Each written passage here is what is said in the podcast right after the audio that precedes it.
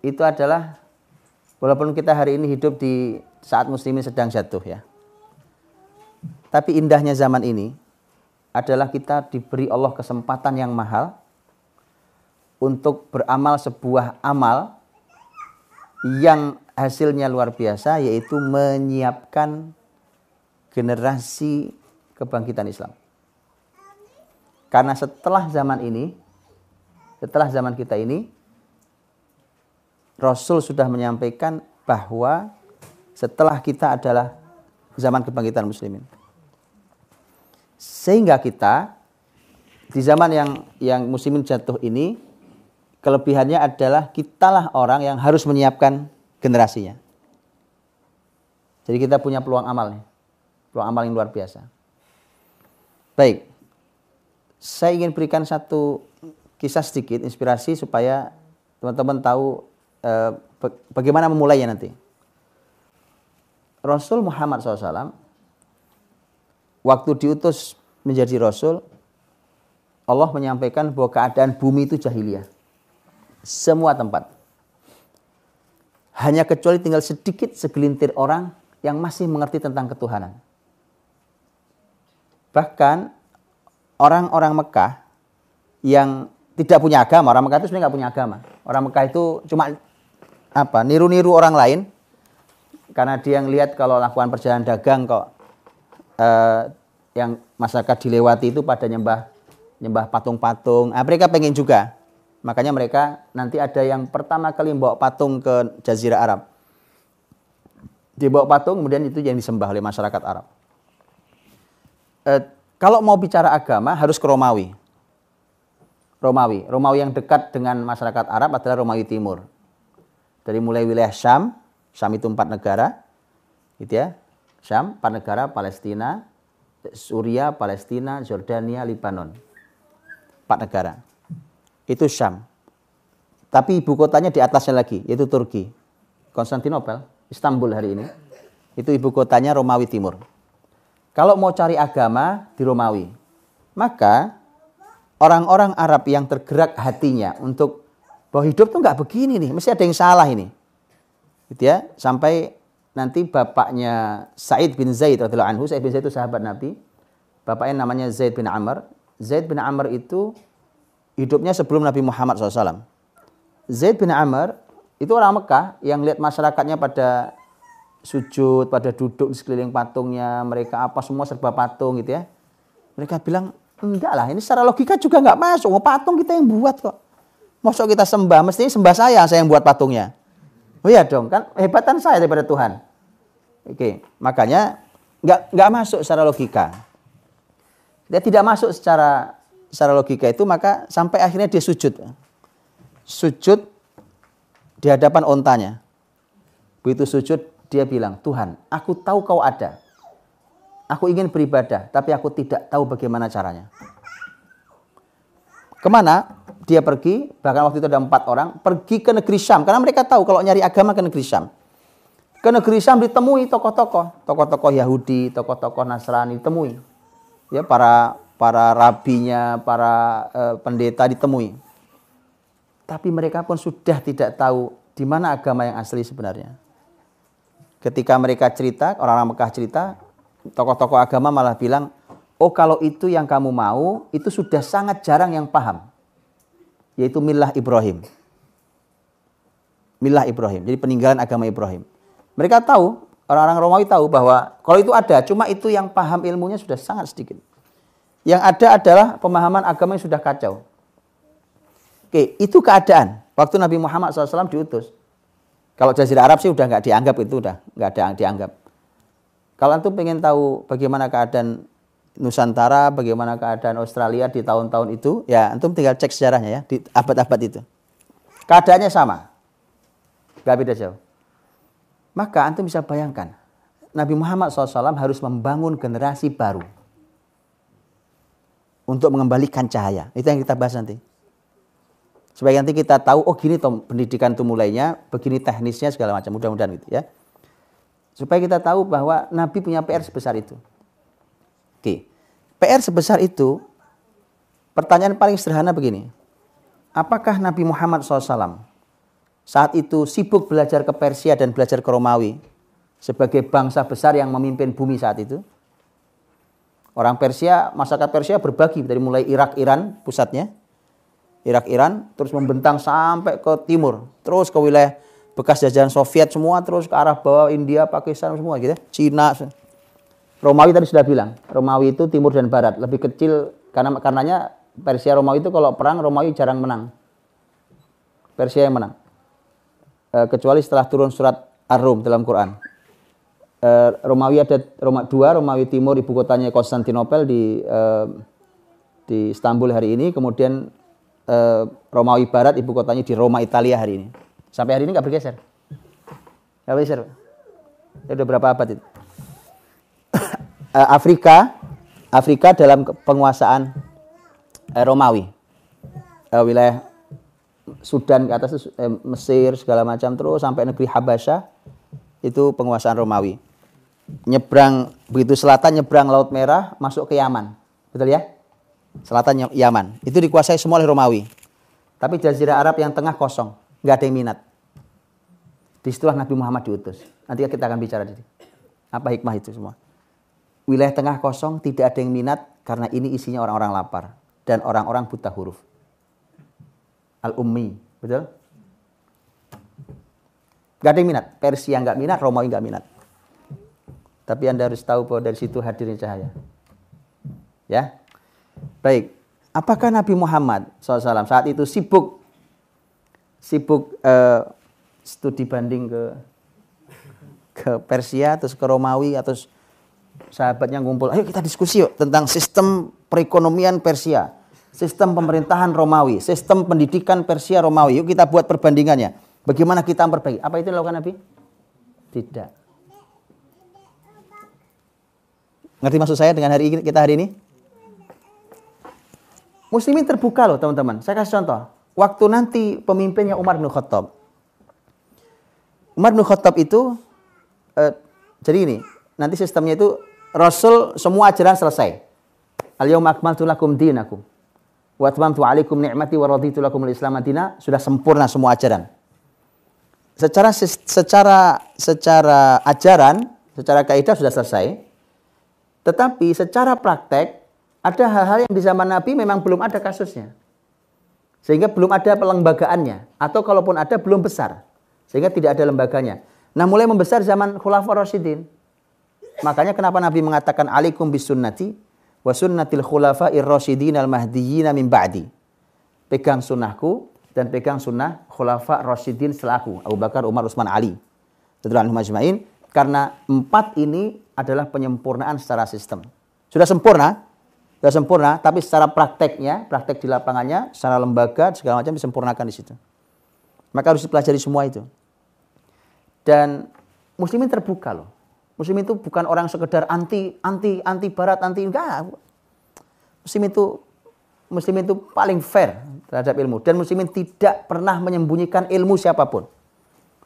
Para ulama kalau kalau menukil dari siapa? Dari ilmuwan Yunani dibunyikan. Dibunyikan. Mereka nukil dari ilmuwan mana? Dibunyikan. Ini dari fulan. Tapi berapa banyak karya Islam ditutup namanya.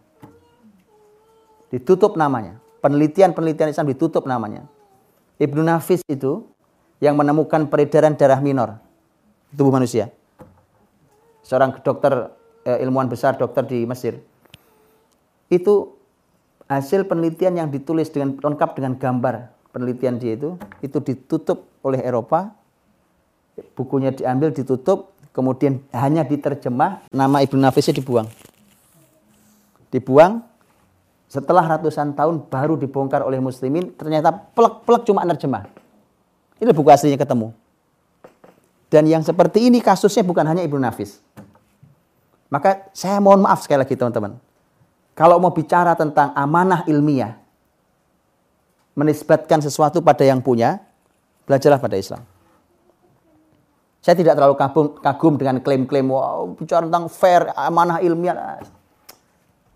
Dulu Anda nipu. Wong belajar loh nama gurunya dibuang. Makanya kalau ada ilmu besar, dan itu banyak ilmu, saya sudah baca beberapa ilmu yang eh, siapa penemunya? No name. double N. Mana ada?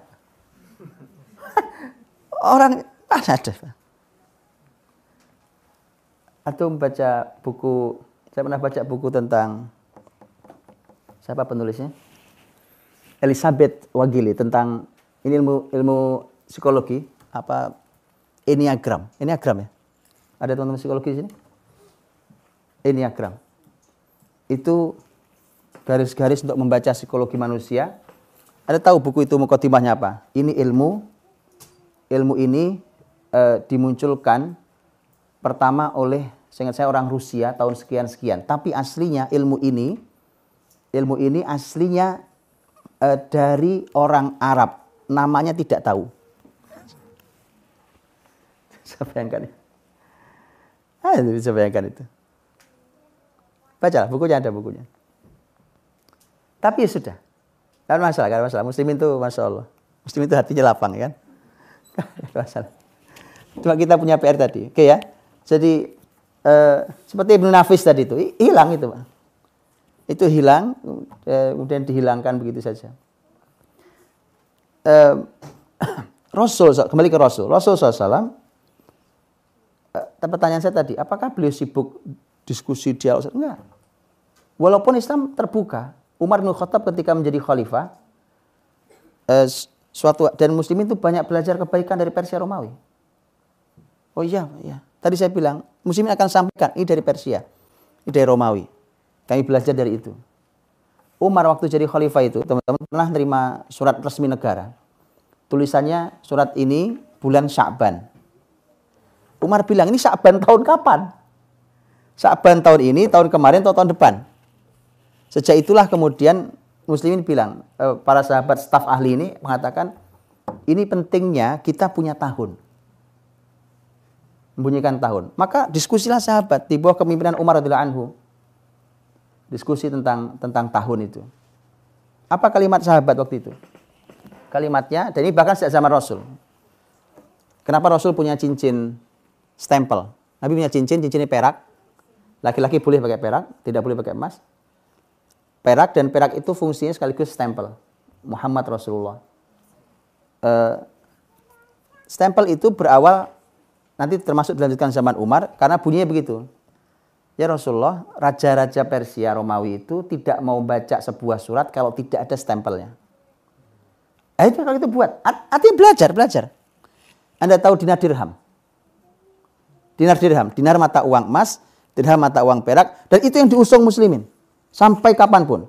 Hari ini kita memasuki zaman penjajahan keuangan. Gitu ya, kita dimiskinkan secara sistem dengan uang kertas. Ya, pasti kalau itu. Oke. Emas perak ini yang terbukti anti inflasi. Mana ada uang anti inflasi? Antum yang lama di Australia, uang Australia mengalami inflasi? Pasti, nggak mungkin nggak.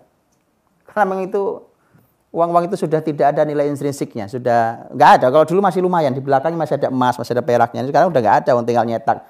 Kalau nyetak saya juga bisa ngeprint, tapi saya nggak boleh. Iya kan? Bisa kita ngeprint kan sama aja. Anda kalau mau bahan kertas saya bisa carikan bahan kertas kayak begini, betul kan? Kenapa saya nggak boleh? Kok Anda boleh? Itu loh Pak. Umar radhiyallahu anhu ketika mengatur sistem negara saat itu harus membuat sistem termasuk dari tahun sampai harus membuat berbagai macam kementerian, um, berbagai macam catatan kenegaraan segala macam yang dikenal nanti dengan ad-dawawin. Uh, diwan. Kalau bahasa Indonesia dewan.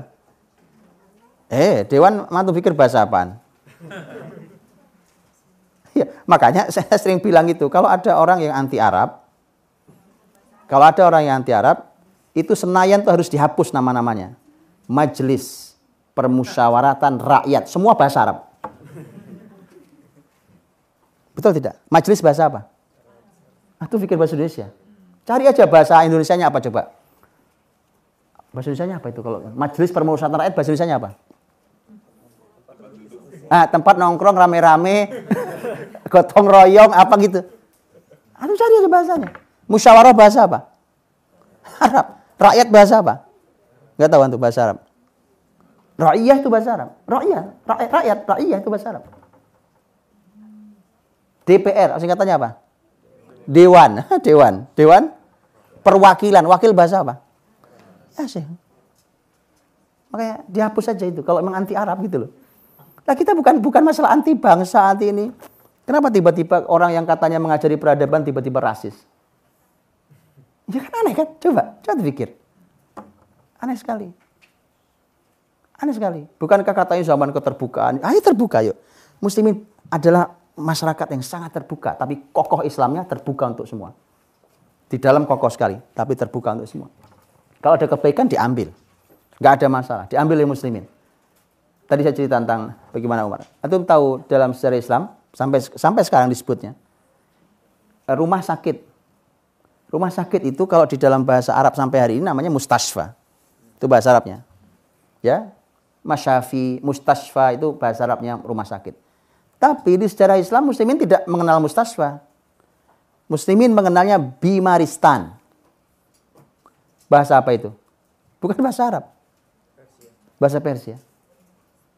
Bimarstan itu bahasa Persia, tempat untuk merawat orang sakit. Jadi maksudnya muslimin kalau ngambil dari mana ya dibunyikan, nggak apa-apa. Bahkan itu bunyinya. Sampai akhirnya muslimin, masyarakat Arab sekalipun menyebutnya bukan mustasfa dulu, menyebutnya Bimarstan. Bimaristan, mereka singkatkan Marstan.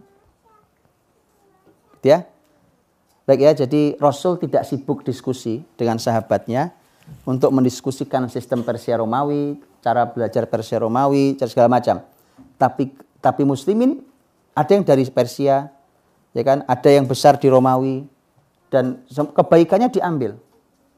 Apa yang baik diambil, gak ada masalah. Dan muslimin mengatakan itu dari mereka kita belajar.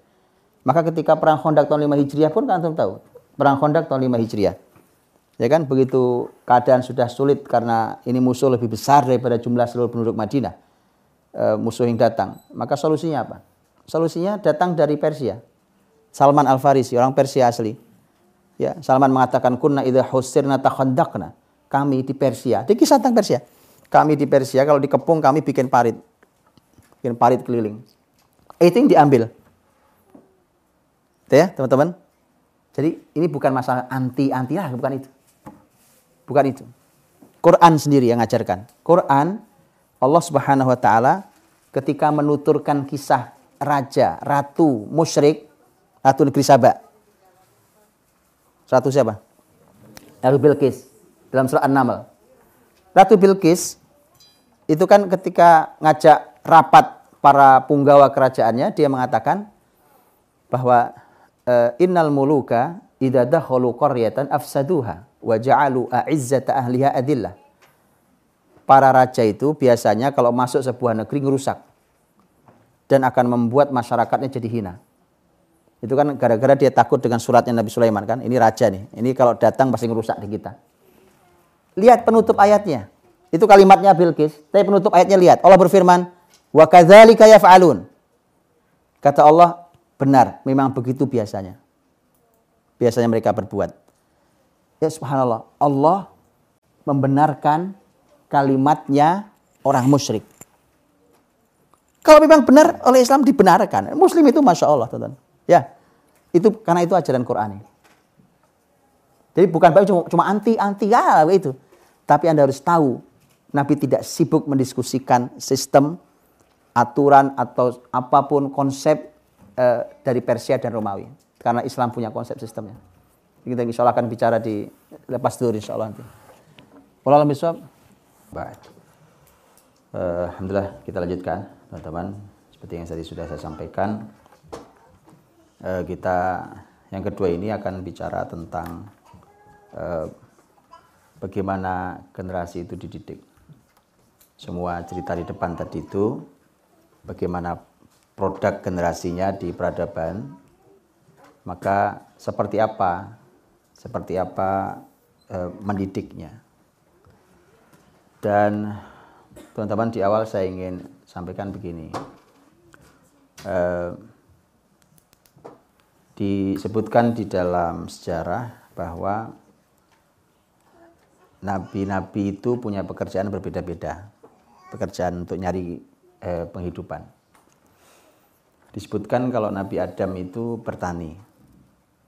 Itu bumi sedang baru-baru luar biasa ya. Nanti ada Nabi Idris yang beliaulah yang yang pertama kali me, membuat baju, menjahit baju. Jadi baju kayak kita sekarang ini. Antum tahu kalau baju dulu kan cuma dilipat-lipat-lipat kayak orang umroh itu. Ya, maka dijahit itu oleh Nabi Idris AS. Eh, Nabi Dawud alaihissalam itu ahli besi, ahli besi dan beliau walau beliau raja, beliau tidak ngambil gaji dari posisinya sebagai raja, tapi beliau e, mencari uangnya dengan cara membuat baju besi untuk perang. Karena Allah memberikan kelebihan pada Dawud, wa alanna lahul hadid. Kami buat menjadi meleleh besi di tangan Daud. Uh, Begitu seterusnya, Nabi Nuh umpamanya, Nabi Nuh itu an-najjar. Najjar itu memang ahli dalam masalah perkayuan. Makanya beliau membuat kapal itu tidak sembarang. Tidak sembarang, itu membuat kapal yang daya tampung dan ketahanannya di atas gelombang yang sebesar gunung, itu nggak sembarang. Itu perlu orang ahli. Saya belum lama mengisi um, apa kampus perkapalan. Ya, dan saya tanya kepada para itu ada dosen-dosen mahasiswa. Saya bilang kayak apa ketahanan kapal yang menghadapi hantaman ombak setinggi gunung karena Quran mengatakan setinggi gunung. Mereka bilang wah itu itu kapal nggak sebarang ya bisa bayangkan kemampuan Nabi Nuh AS karena beliau punya kemampuan an-najjar ahli dalam masalah perkayuan Nabi Muhammad pedagang, tujar, tajir, beliau pedagang. Berbeda-beda eh, apa pekerjaan itu tetapi mereka semua punya pekerjaan yang sama yaitu sebagai guru. Semua nabi adalah guru untuk umatnya. Maka pendidikan itu dengan tugas sebagai guru, sebagai dosen, orang tua yang mendidik, bapak ibu guru, Bapak Ibu dosen itu adalah merupakan pekerjaan yang paling utama, berpusarnya di situ sebenarnya. Maka jangan heran kalau di dalam peradaban Islam dulu gaji tertinggi itu adalah guru. Wajar kan? Wajar lah. Karena tidak ada para ahli di berbagai bidang itu kecuali adanya guru yang melahirkan normal lah. Gitu ya. Kalau mereka dapat penghargaan tertinggi. Gitu ya. Lihat bagaimana Islam memberi penghargaan sesuai dengan fungsi. Ya, eh, saya tidak tahu kalau di sini. Tapi kalau di Indonesia agak mengenaskan ya. Eh, baik. Eh, kemudian yang mau saya sampaikan sekarang ini adalah eh, bagaimana bagaimana mendidik itu ini ini eh, cocok untuk kita secara pribadi di rumah masing-masing atau kita membuat lembaga pendidikan. Karena dalam Islam tadi saya katakan, zaman Nabi itu bisa jadi hanya aktivitas yang yang e, sifatnya kecil tapi begitu berjalan dia menjadi sebuah sistem besar. Ya nanti saya akan bercerita sampai tema lembaga, lembaga pendidikan. Bagaimana pendidikan sampai menjadi sebuah lembaga pendidikan dalam sejarah Islam. Baik, teman-teman rahmati Allah. E,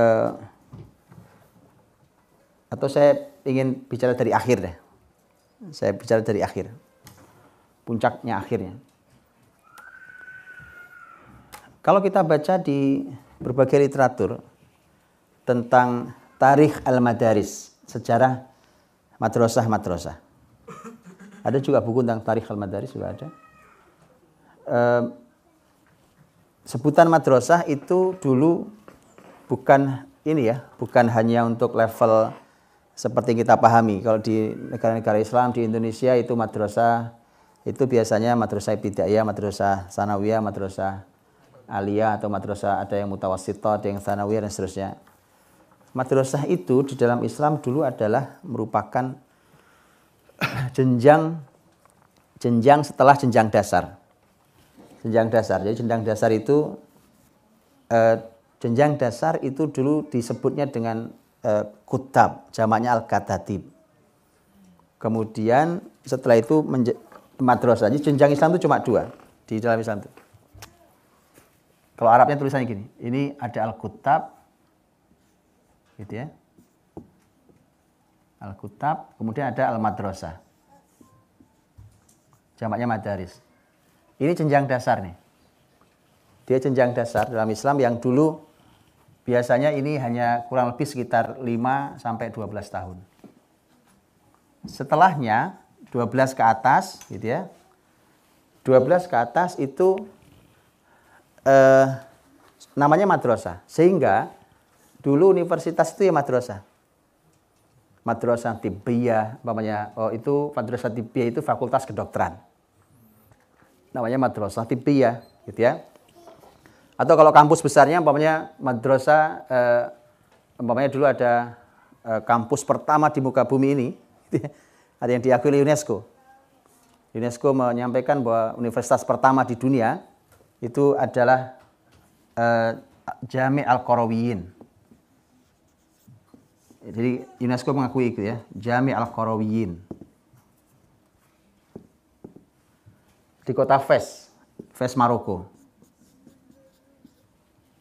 di Maroko. Uh, madrasah namanya, madrasah madrasah Karawiyin itu universitas. Ya, nanti dan saya sudah kalau di mengajar kemarin saya sudah sampaikan di uh, sebagian. Jami Jami itu arti sebenarnya masjid jami itu. Kan kita suka nyebut masjid jami. Itu jami, jami itu masjid, masjid jami. Ada masjid biasa, ada masjid jami. Masjid jami itu adalah masjid yang dipakai buat Jumatan. Gitu. Jadi sholat lima waktu plus Jumatan. Karena ada masjid yang tidak dipakai Jumatan.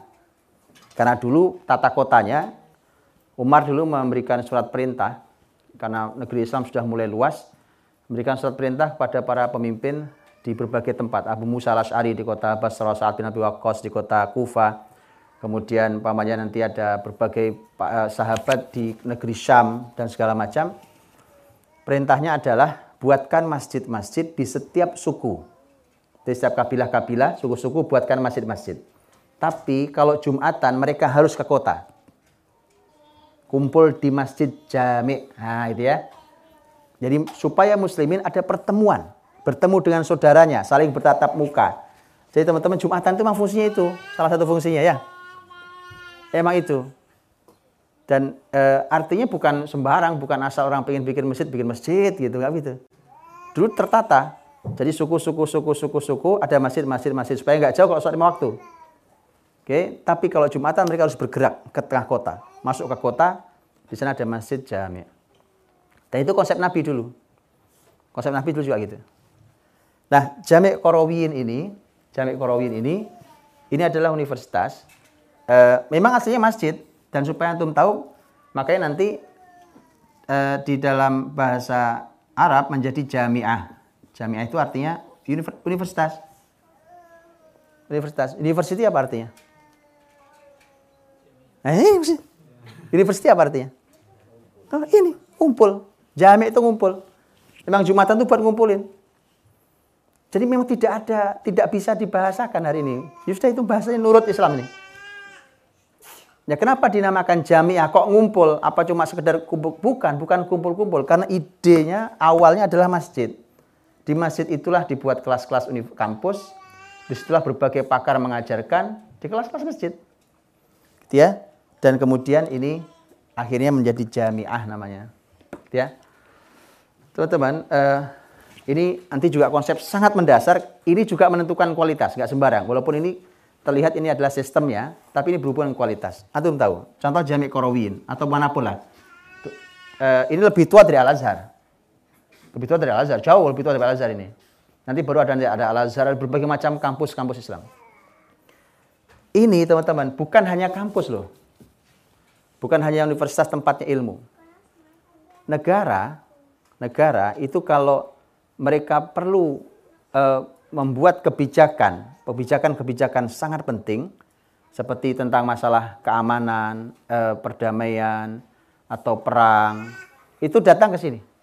Mereka harus datang ke sini, harus bertemu dengan dengan kalau sekarang dengan rektornya, dulu Syekhul Madrasah dulu dengan rektornya untuk berdiskusi dan minta e, saran serta persetujuan. Baru negara bisa ketok palu. Itu dulu aturan Islam. Oke. Lebih dari itu, nah ini menarik nih. Lebih dari itu, adalah kalau negara sedang kesulitan pendanaan, mereka datang ke sini. Ngapain? Ngutang. Berhutang. Sehingga negeri Islam tidak perlu hutang kepada musuhnya. Apa artinya ini tempat uang ini? Loh, padahal sekolahnya gratis. Bang ya? sekolah gratis, tadi saya sudah bilang, gaji dosen gaji tertinggi itu dua. Tapi mereka punya uang sangat melimpah yang kalau negara perlu dana, maka datang ke situ untuk berhutang. Tahu cara sistemnya? Ya. Ini ada konsep sangat menarik, tapi ini bukan waktu kita. Saya lebih suka nanti bicara karena ini di yang lain berbeda. E, nanti kita akan bicara mendidiknya. Itu wakaf produktif wakaf produktif. Ini pembahasan besar sendiri yang inilah ini jawaban. Ya, tentu sana ada donasi, donasi tapi donasi ini uh, bukan bukan jadi sandaran sistemik. Dia nggak bisa jadi sandaran kokoh. Nah, donasi itu lemah banget. Ya, sebesar apa pun kalau donasi itu lemah. Tapi Islam memiliki sistem namanya wakaf produktif dan ini ada ilmunya besar sekali di sini dan inilah yang membuat sekokoh itu.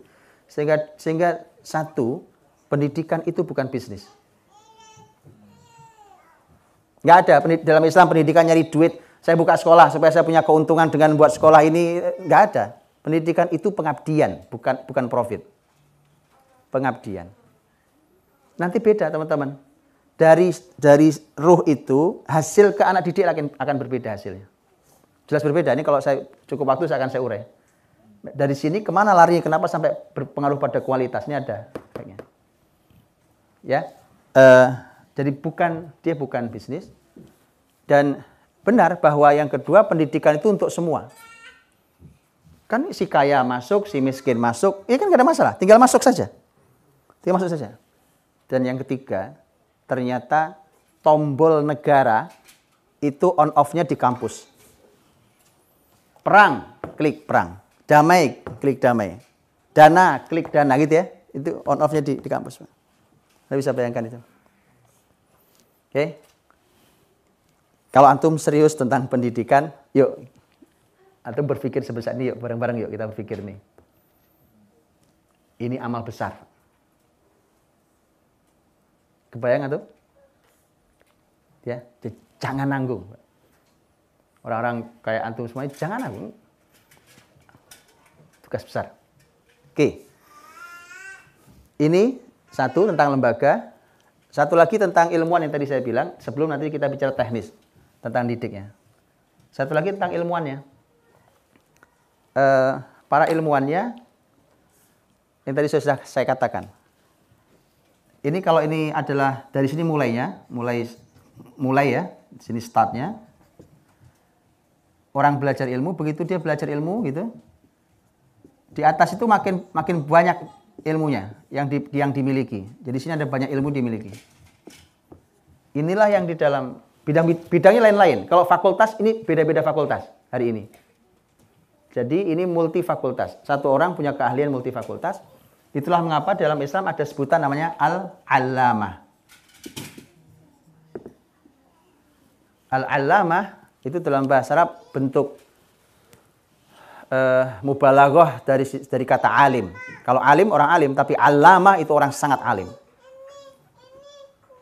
Hari ini kalau gelar kampus tertinggi profesor kan? Oke, okay, profesor. Profesor itu kan antum tahu, kalau ini ada satu ilmu di sini, maka subnya ilmu.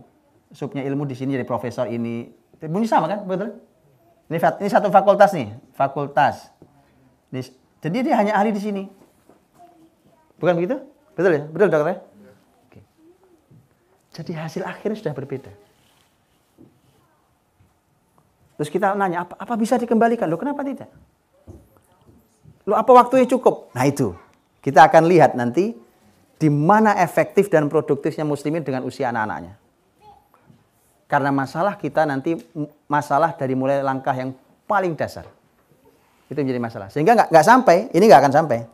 Ini aja ngos-ngosan ya kan. Iya. Ya, gitu ya, teman-teman. Nah, ini hasil ini saya bicara dari akhir, produk peradabannya antum sudah tahu. Produk peradabannya antum lihat yang tadi saya cerita banyak tentang Oke.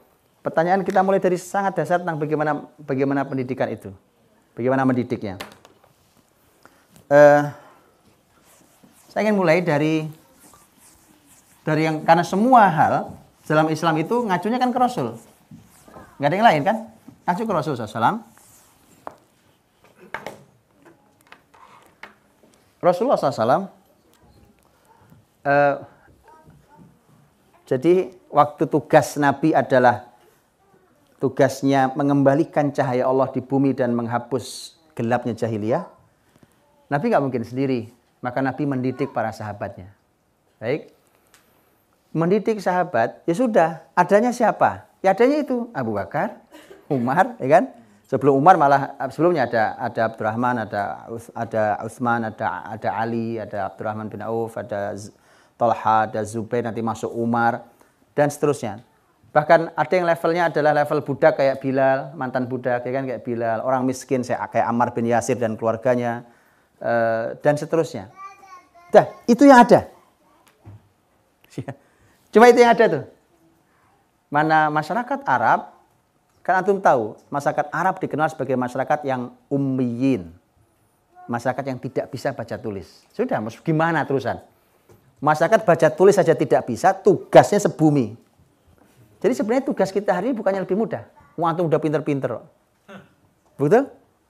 Antum sudah lebih dari bukan pembahasan buta huruf. Masyarakat Arab buta huruf. Huwaladzi ba'atha fil ummiyin rasulam minhum yatlu alaihim ayatin dan seterusnya.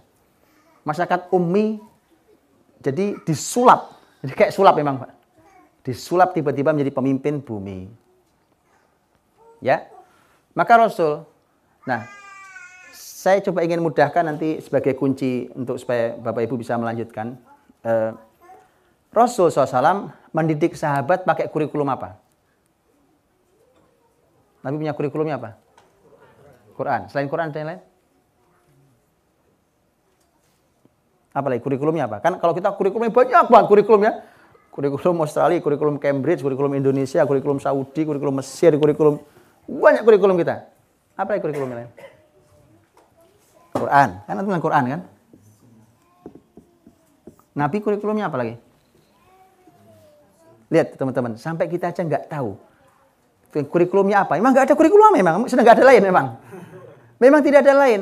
Yang satu lagi adalah yang kalau sunnah itu hadis Nabi SAW, eh, sunnah itu itu adalah ini bimbingan Allah melalui Jibril langsung ke Rasul tapi tidak masuk dalam ayat. Maksudnya tema sunnah. Nanti oleh ulama akan digali dengan berbagai macam ilmu alat, keluarlah berbagai macam ilmu yang tafsir fikih, melahirkan berbagai ilmu alat usul fikih, qawaid fiqhiyah, uh, usul tafsir, ulumul Quran, segala macam. Ya. Nah, saya ingin bicara tentang Quran supaya tahu urutan pendidikan. Karena teman-teman, yang suka kita lupa adalah masalah dua hal. Satu urutan, dua tahapan. Urutan itu artinya berurut. Satu, dua, tiga. Tahapan itu artinya Anda nyicil. Dia bertahap, ilmunya bertahap, sepotong, sepotong, sepotong sampai lengkap. Kalau di di kampus kita, di sekolah kita, kita udah biasa dengan ini. Tapi tiba-tiba begitu kita belajar agama kita, nggak pakai aturan ini. Betul apa enggak? Atau ngaji di, di masjid, di surau kita, di Westall, di apa tadi? Baitul Makmur, di mana pun masjidnya. Seringkali nggak pakai kurikulum, nggak pakai ini. Waktu duduk-duduk aja kan ngaji dengerin habis itu pulang, dengerin pulang. Ustaznya terserah nyampein apa. Atau umpamanya nyampein ilmu apa, tidak ada urutannya, tidak ada tahapannya. Padahal kalau di sekolah, di kampus ini, semua ada urutannya. Upanya orang belajar ilmu matematika, gitu ya, ilmu matematika. Ada urutannya apa enggak? Jelas lah. Kelas 1 SD belajar apa, kelas 2 belajar apa, terus sampai universitas nanti belajar apa semester 1, 2 dan sampai sampai nanti dia menjadi pakar matematika bidang profesor matematika. Kan begitu kan, berurut gitu. Tiba-tiba kita tidak itu, padahal Quran sangat sistematis. Nanti kita akan lihat sistematika Quran. Ya, Quran sangat sistematis. Ya, nanti kita akan uh, coba lihat. Oke, ini urut, urutan tahapan juga sama. Tahapan itu kan juga sama. Uh, dan itu juga sunatullah kehidupan. Anak-anak kita, kita semua dulu waktu uh, tidak langsung lari kan. Belajar duduk, bahkan belajar miring-miring dulu, belajar duduk, kemudian belajar jalan terjatuh-jatuh, baru lari. Baru kita kokoh bisa lari luar biasa. Begitu tahapannya. Belajar kan juga begitu. Dalam Islam juga gitu. Lah bayangkan kita ngaji tiba-tiba ulama berbeda pendapat. Pusing lah. Paham ya teman-teman? Tidak efektifnya kita dalam kurikulum agama itu membuat berantakan dan tidak tercapai tadi yang saya bilang tentang al-alama tadi itu. Karena nggak sistematis belajar kita. Oke ya, sudah ya? Oke. Quran ini teman-teman, Quran ini para ahli Quran menyampaikan bahwa kalau urutan turun ini nol ini di Mekah ya bersama Nabi SAW. Kemudian ini 13 tahun di sini. Kemudian ini uh, Nabi SAW wafat. Ini uh, saya kasih nama aja. Ini hijrah. Ya, ini Madinah. Ini Mekahnya. Itu. Ini 13 tahun, ini 10 tahun. Quran turun sepanjang ini, bukan begitu? Ya kita lihat. Kita lihat bagaimana sistematika yang luar biasa untuk membangun generasi, didik generasi. Dan ini harus kita pakai. Kalau mau betul dalam pendidikan rumah kita, lembaga pendidikan kita harus pakai kurikulumnya. Ada buku bagus, bagus banget bukunya. Uh, penulisnya seorang dosen masih muda, seorang doktor, dosen di Riyadh, setahu saya, ya di Riyadh, orang Yaman. Saya komunikasi dengan beliau karena saya waktu itu nanya bukunya, karena beliau nulis buku yang menarik buat saya. Judulnya Kaifa Yubarmijul Quranul Hayah Kefayubar Mitch Al-Quran Ayah. Bagaimana Quran memprogram kehidupan. Itu buku jilid pertama yang waktu itu saya dikasih oleh beliau. Karena itu eh, buku beberapa jilid itu beliau menulis sebagai seorang ahli beberapa ilmu. Beliau mengkaji Quran berdasarkan urutan turun. Quran, Quran itu kan ada dua urutan. Ya untuk memahami nanti ya. Quran itu kan ada dua urutan. Ada urutan turun ada urutan mushaf.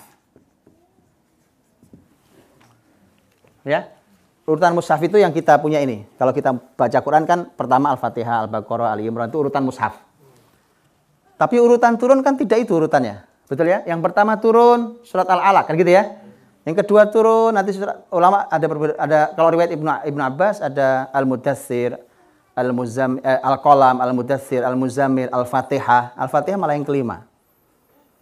Gitu. Ya, itu urutan turun. Nah, kalau urutan mushaf sudah banyak tafsirnya. Hampir rata-rata tafsir itu urutan mushaf. Ya kan betul ya? Buku tafsir kalau antum buka urutan. Nah, beberapa ulama termasuk beliau ini menulis mus, eh, tafsir berdasarkan urutan turun. Lihat salah satu hasilnya. Lihat salah satu hasilnya teman-teman. Ternyata berdasarkan urutan turun itu ternyata ajaibnya dia terbagi tiga. Hasilnya terbagi tiga. Hasil yang pertama eh, karena awalnya beliau mengkaji dari mulai al-alaq itu dikaji isinya terus ditulis. Begitu sampai surat yang ke-38 turun ya ke 38. Masuk ke 39 dia berhenti. Karena kok berubah rasanya. Nah ya, sudah berubah nih rasanya, temanya kelihatan sekali berubah. Maka diberhentikan di 38, terus begitu dicek masuklah nanti beliau ke 39 dan seterusnya. Begitu dianalisa ternyata subhanallah. Bukankah 38 itu kurang lebih sepertiga? Betul nggak Pak? Betul nggak? Betul ya? 114 surat. Maka kemudian beliau simpulkan, beliau bilang ternyata ini juga kejutan karena beliau juga tidak pernah menduga itu. Begitu dicek ternyata Quran itu sepertiga, sepertiga, sepertiga. Sepertiga pertama istrinya adalah islahun nafs. Islahun nafs. Perbaikan individu. Jadi 38 surat itu isinya pokoknya diperbaiki dari semua sisi, pribadi-pribadi perbaiki dulu. Sepertiga yang kedua, kata beliau ternyata isinya adalah islah al-mujtama. Sosial. Setelah individu kumpul jadi diperbaiki sosialnya. Oke.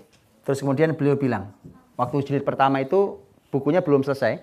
Yang saya baca itu bukunya belum selesai semua. Beliau bilang, mudah ditebak bahwa yang ketiga adalah islah ad-daulah. Perbaikan negara.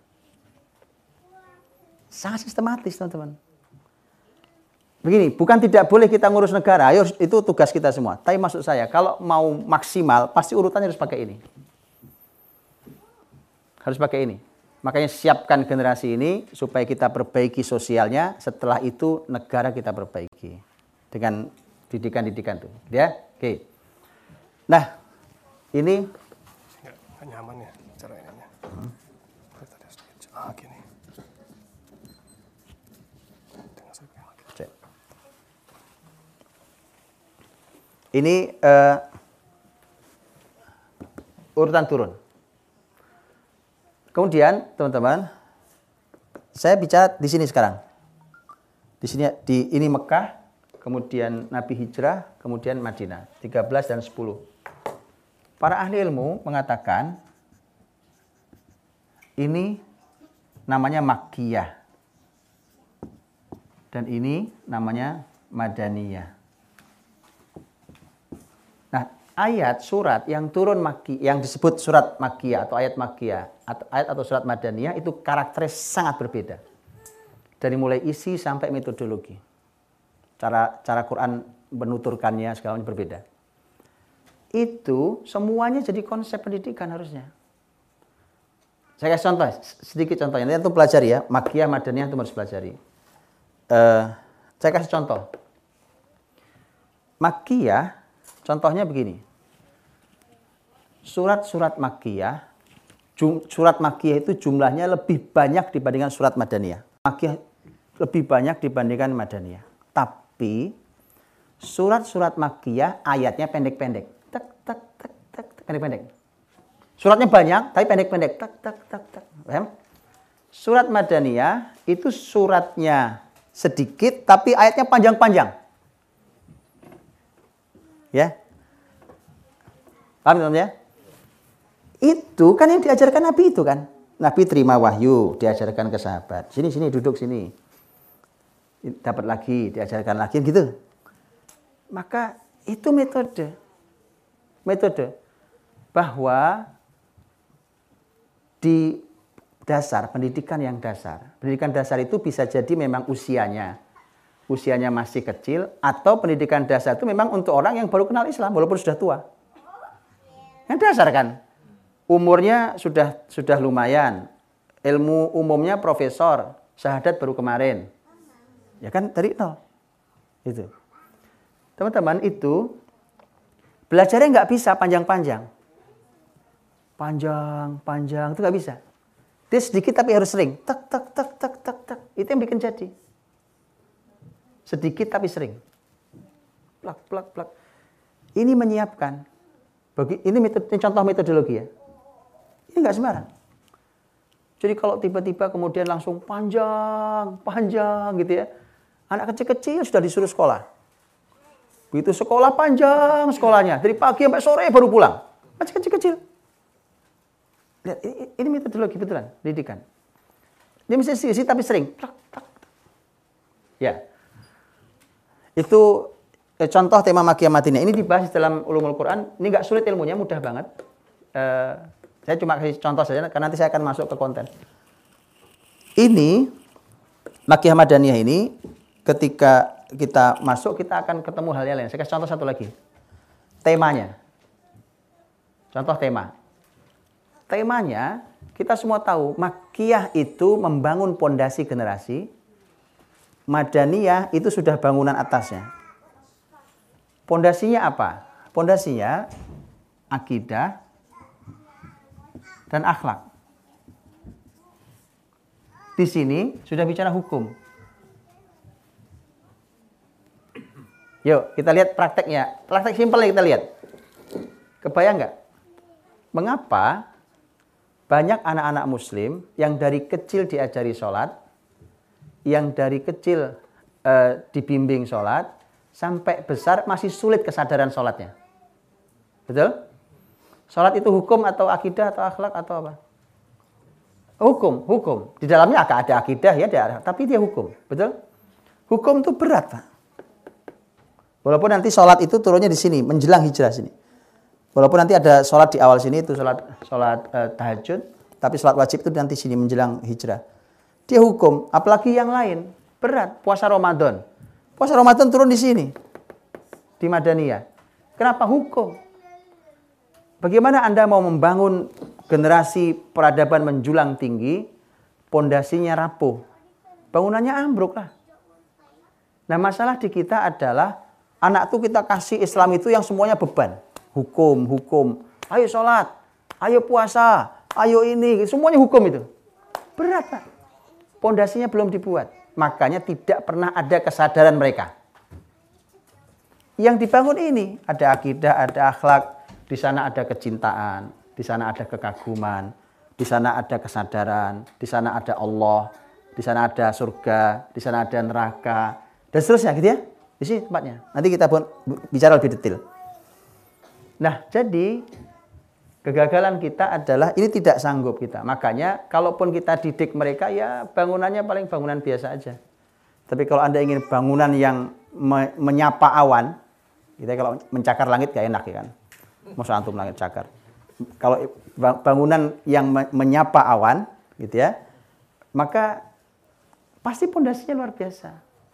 Gak mungkin gak. Dan itu begitulah generasinya itu. Ya. Baik, nanti di sini pondasinya apa dan seterusnya nanti kita lihat. Paham sini teman-teman ya? Jadi ini uh, Quran itu begitu berurutnya, sistematikanya dengan cara yang seperti itu. Dan sehingga nanti kalau sudah ini siap di sini, maka begitu masuk ke tema hukum, apa pun itu, bahkan sampai mengorbankan jiwa jihad, mereka korbankan jiwa dengan senyum. Padahal padahal kita ini teman-teman bisa korban apa saja asal jangan nyawa saya. Betul kan? Oh iyalah. Mana? Kalau korban duit saya bisa cari lagi uang. Betul kan? Saya korban apa bisa saya cari lagi. Tapi nyawa nggak ada yang jualan. Nggak bisa. Makanya bayangkan ada generasi yang mengorbankan nyawanya dengan senyum. Itu Islam tuh. Kayak begitu itulah dulu yang Khalid Khalid waktu waktu kirim surat ke apa ke uh, Persia. Bahasanya gitu. Saya bawa pasukan yang cinta mati sebagaimana kalian cinta hidup. Kan bingung jadi musuh pak. Dibunuh dia seneng. Nggak dibunuh-bunuh kita kan? Hebatnya Islam. Makanya kenapa tidak peradabannya luar biasa? Peradaban luar biasa. Bukan bunuh-bunuhnya yang puasa. Bukan. Islam nanti saya bilang di depan tadi dia al-fath membuka. Ya, itu karena ada pondasi yang sangat kokoh. Apalagi cuma berkorban ngasih uang saudaranya itu simpel banget, Pak. Nggak ada. Hitungan dua setengah persen itu hitungan minimalis itu. Hitungan dua setengah persen itu hitungan minimalis. Mana ada orang Islam kaya dulu cuma dua setengah persen zakat tok wajib itu nggak ada. Dalam sejarah peradaban Islam nggak ada itu, Pak.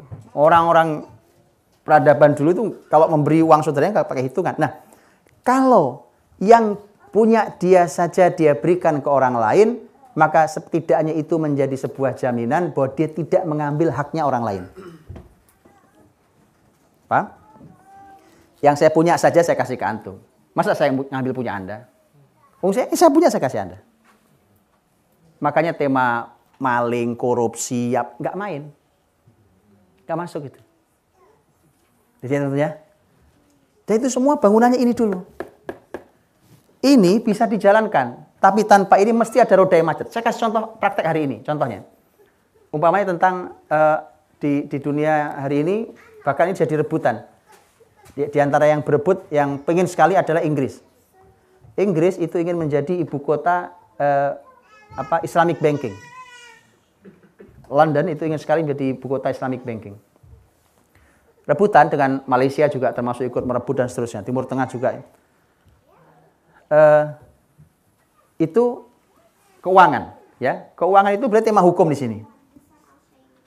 Ini bisa dijalankan. Tema muamalah itu kan bisa dijalankan oleh siapa pun kan. Orang kafir pun bisa menjalankannya. Tapi teman-teman, karena ini tidak terpisahkan oleh yang ini, maka pasti ada roda yang macet. Saya kasih contoh roda macet. Ini Islamic banking. Jadi macet, betul-betul macet. Kenapa? Untuk menjalankannya perlu ini, akidah sama akhlak ini. Saya kasih contoh. Uh, orang berhutang ke bank. Datang ke bank berhutang. Kemudian waktunya dia membayar cicilannya, dia tidak sanggup bayar. Kan? Apa yang dilakukan oleh bank?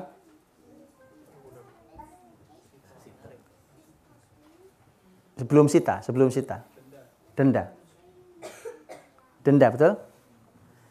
Denda itulah riba jahiliyah. Nabi SAW dulu, di orang-orang jahiliyah dulu, riba jahiliyah itu aslinya adalah imma antakdi wa imma anturbi. Kamu bayar utangmu atau kamu kena denda. Itu asli riba jahiliyah. Asal riba jahiliyah itu ya aslinya. Ya kalau kita tahu riba jahiliyah itu aslinya. Maka itu kan dihindari oleh Islamic banking kan. Gimana caranya tapi? Wong ini duit ketahan di dia. Akhirnya kan sulit dijalankan. Kalau orang kafir sulit karena berhitung lah ini gimana? Uang tertahan sekian di dia macet. Kredit macet ini. Dan seterusnya. Ada tahu Quran ngajari apa? Surat Al-Baqarah. Itu bicara akidah, nggak jalan. Ini pas rodanya nggak jalan. Quran mengatakan wa in kana dzu usratin fanadhiratun ila maisarah. Kalau betul orang itu kesulitan, maka Anda harus memberi tunda sampai dia lapang. Rugilah bisnis. Ya kan? Maka saya bilang, mesti macet. Mesti ada roda yang macet. Kenapa? Muslim bisa menjalankan ayat itu karena dia ingat umpamanya janji Rasul. Wallahu fi aunil abdi makanal abdu fi auni akhi. Allah akan membantu hamba sepanjang hamba masih mau bantu saudaranya. Itu kan perlu keyakinan, Pak. Nggak bisa, mesti macet itu. Sistem itu pasti macet. Makanya antum cek deh di Indonesia dan di banyak negara juga. Itu kordun hasan eh, apa? Pinjaman tanpa bunga, pinjaman tanpa keuntungan, ya pinjaman satu balik satu gitu ya. Itu prosentase di Islamic banking kecil banget. Kecil banget lah. Mereka akan pikir lah, ini gimana kalau kalau kita tidak ada keuntungannya gimana memutar lembaga ini? Karena karena tadi teman-teman ya, masih ada roda yang macet. Dan satu lagi memang karena sistem belum utuh, jadi mungkin pasti macet. Oke. Nah ini uh, contoh makiyah madaniyah. Uh, satu lagi, ini penting sekali. Satu lagi. Para ulama memberikan memberikan um, catatan penting. Kisah kisah kisah umat terdahulu sebelum Nabi Muhammad yang ada di Quran. Jadi Quran itu Quran itu teman-teman ada ada dibagi tiga.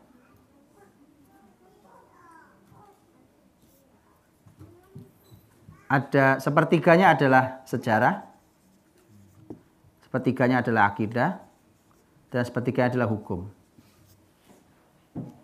Atau bayangkan ini sepertiganya sejarah. Nah, sejarah yang kisah umat terdahulu sebelum Nabi Muhammad semuanya turunnya di sini.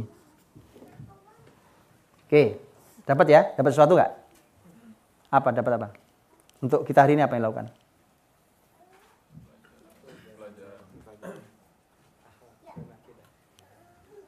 Atau punya kesimpulan apa? Ini, coba data ini apa kesimpulannya apa? Data. Ya, kesimpulannya apa? Eh?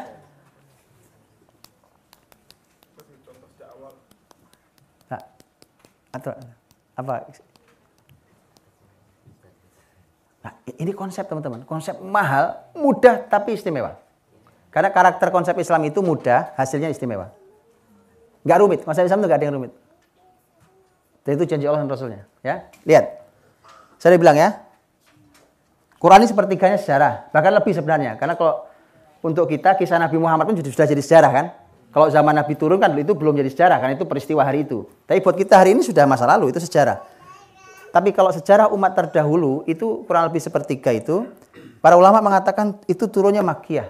Semua turun di sini, 13 tahun itu. Bayangkan sepertiga Quran, padahal yang turun di sini, ini kan sepertiga Quran ini, turunnya semua di Mekah ini. Maka bisa terbayang bahwa Mekah ini 13 tahun itu, itu diguyuri oleh kisah sejarah. Ayat itu turun kisah semua. Antum tahu? Maka itulah kurikulum dasar. Sejarah.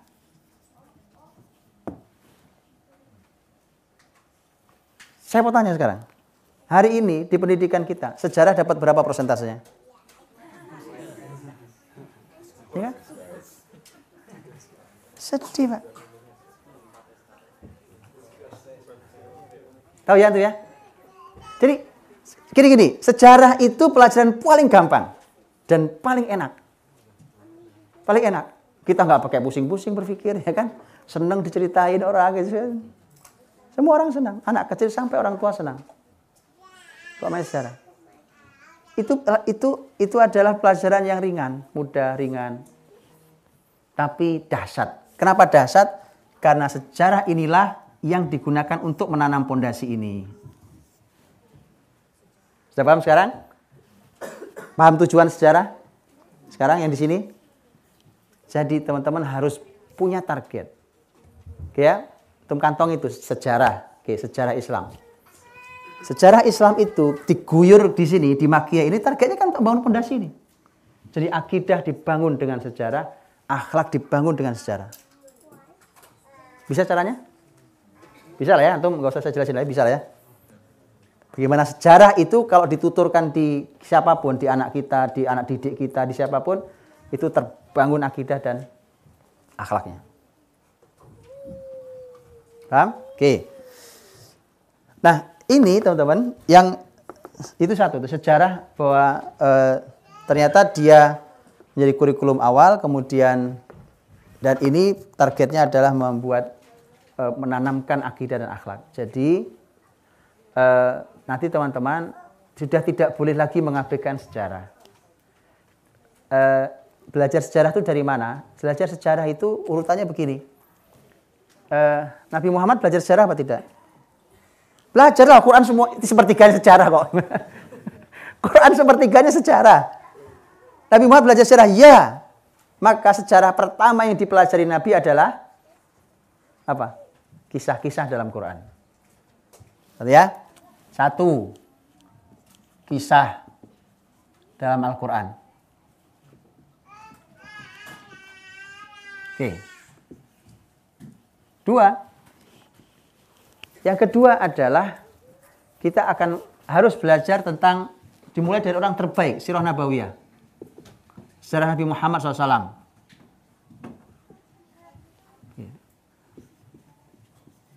Sudah? Tiga, Tiga, kita harus kita harus belajar tentang sejarah sejarah Islam, peradaban Islam. Maksud saya sejarah peradaban Islam. Setelah Rasul SAW masuklah nanti ke dinasti-dinasti dari Bani Umayyah sampai terakhir Turki Utsmani. Oke. Yang keempat, jangan lupa bahwa eh, kita tinggal di sebuah negeri. Kalau kita sebagai orang Indonesia, maka Anda perlu belajar sejarah Indonesia. Akhirnya terlewat loh teman-teman, sejarah Indonesia itu akhirnya kita kita tidak tahu dibohongi apa gimana ceritanya, pokoknya belajarnya sudah sudah nggak ngapa-ngapain gitu ya pelajaran sejarah paling nggak disukai, ya kan? Sudah paling tidak menarik, ujian paling horor, ya kan? Dan seterusnya. Bagaimana ceritanya itu? Ini kesalahannya memang fatal. Karena antum tahu bagaimana dikisahkan tuh enak didengar. Kemudian itu bahkan bisa mengaduk rasa, bisa membangkitkan kita, bisa menggerakkan kita gitu loh. Ya kan? Orang terbangun visinya, kuat keyakinannya, yang tadinya lemah bangkit lagi gitu. Itu dengan bertutur sejarah. Berarti kan ada yang salah pada kurikulum, ada yang salah pada pengajarnya. Itu. Paham ya? Ini teman-teman kalau ini ini jadi kurikulum nih pelan-pelan saja nggak usah nggak usah lengkap dulu Bahkan baru sampai nomor satu, nomor dua, itu antum sudah akan mulai melihat perubahan di generasi, di anak-anak. Pegang aja ya.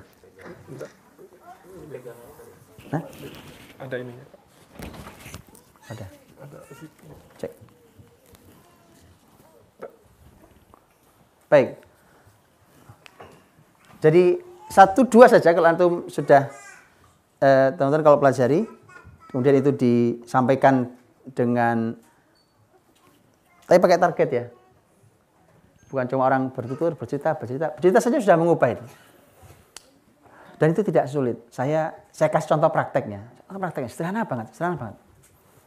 Ini pentingnya orang tua kalau sama anaknya juga bercerita, bertutur. Kalau ngobrol tuh ada yang dituturkan. Nanti sampai level tingginya gini. Kalau bertutur biasa ya, antum tahu cara berkisah ke anak-anak segala macam. Eh, hasil akhir nanti. Saya kasih contoh, saya pernah umpamanya mem memberikan apa memberikan masukan tentang uh, pendidikan di sebuah lembaga pendidikan.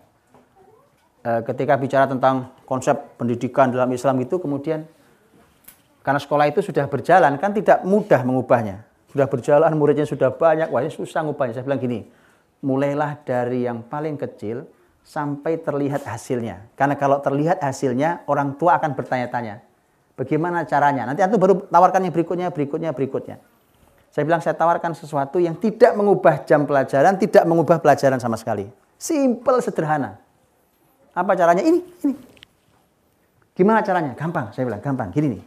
Ini nggak ngubah apa-apa. Jam pertama, setiap jam pertama, ini kan, ini gara-garanya karena sekolahnya nggak bisa diubah sistemnya. Kalau bisa diubah nggak begini caranya ya. Ini ini minimal banget ya. Saya bilang setiap jam pertama, uh, ini sudah saya tuturkan, sampaikan di banyak sekolah. Siapa pun yang memegang jam pertama, begitu gurunya masuk, dia mulai pelajaran, maka dia harus mulai dengan sejarah. Lima menit paling lama, jangan lama-lama. Lima menit, nggak usah lama, lima menit. Cuma, saya minta dibuat target. Contoh, contoh. Saya bilang umpamanya bikinnya per pekan. Dan ini umpamanya pekan satu. Pekan satu targetnya umpamanya menanamkan eh, cinta Rasul. Umpamanya dia gitu Senin, Selasa, Rabu, Kamis, Jumat, mana gitu ya. Oke, di sini kisahnya apa? Di sini kisahnya apa? Semua guru pekan itu targetnya cinta Rasul. Senin sampai Jumat umpamanya Targetnya adalah anak punya cinta Rasul, kisahnya berbeda-beda. Gak usah panjang-panjang, 5 menit paling lama. Oke, antum boleh ulangi lagi pekan kedua. Masih cinta Rasul Pak, silahkan. Atau ganti lagi nggak apa-apa, pekan kedua. Oh temanya umpamanya sabar. Gitu ya, umpamanya. Ini ini contoh-contoh aja. Sama begitu. Paham teman? Sederhana banget. Anda cuma perlu nyari aja kisahnya. Cuma saya, saya bilang, saya minta sejarah loh ya, bukan dongeng. Sejarah ya. Bukan dongeng bukan legenda apa. Sejarah sejarah. Dan alhamdulillah alhamdulillah teman-teman ini ada yang mencoba. Ada yang mencoba. Awalnya nyobanya gini. Nyobanya nggak nggak begini dulu. Nyobanya itu kan di sekolah di Indonesia itu kan suka ada uh, kayak upacara gitu ya upacara bendera apa gitu ya itu kan suka ada tausiahnya atau kalau sekolah-sekolah Islam suka ada ikrar sebelum masuk setiap ikrar itu saja klasikal karena kalau per kelas ini gurunya belum siap. Ya nanti, nanti PR pendidikan memang gurunya, PR pendidikan di rumah memang kita orang tuanya. Ya, gurunya nggak siap. Ya udah kalau gitu klasikal dulu rame-rame di lapangan setiap hari dituturkan sebelum masuk kelas 5 menit aja. Begitu dituturkan teman-teman, saya beberapa bulan berikutnya nanti nanya lagi gimana Ustadz perkembangannya. Dia bilang perkembangannya ada dua. Yang satu ustadz yang kita tunjuk selalu, guru yang kita tunjuk selalu untuk berkisah, akhirnya diserbu anak-anak. Anak semua berkerumun di sekitar dia. Lah kita kan, wah lah ini beliau dikerumuni semua anak-anak.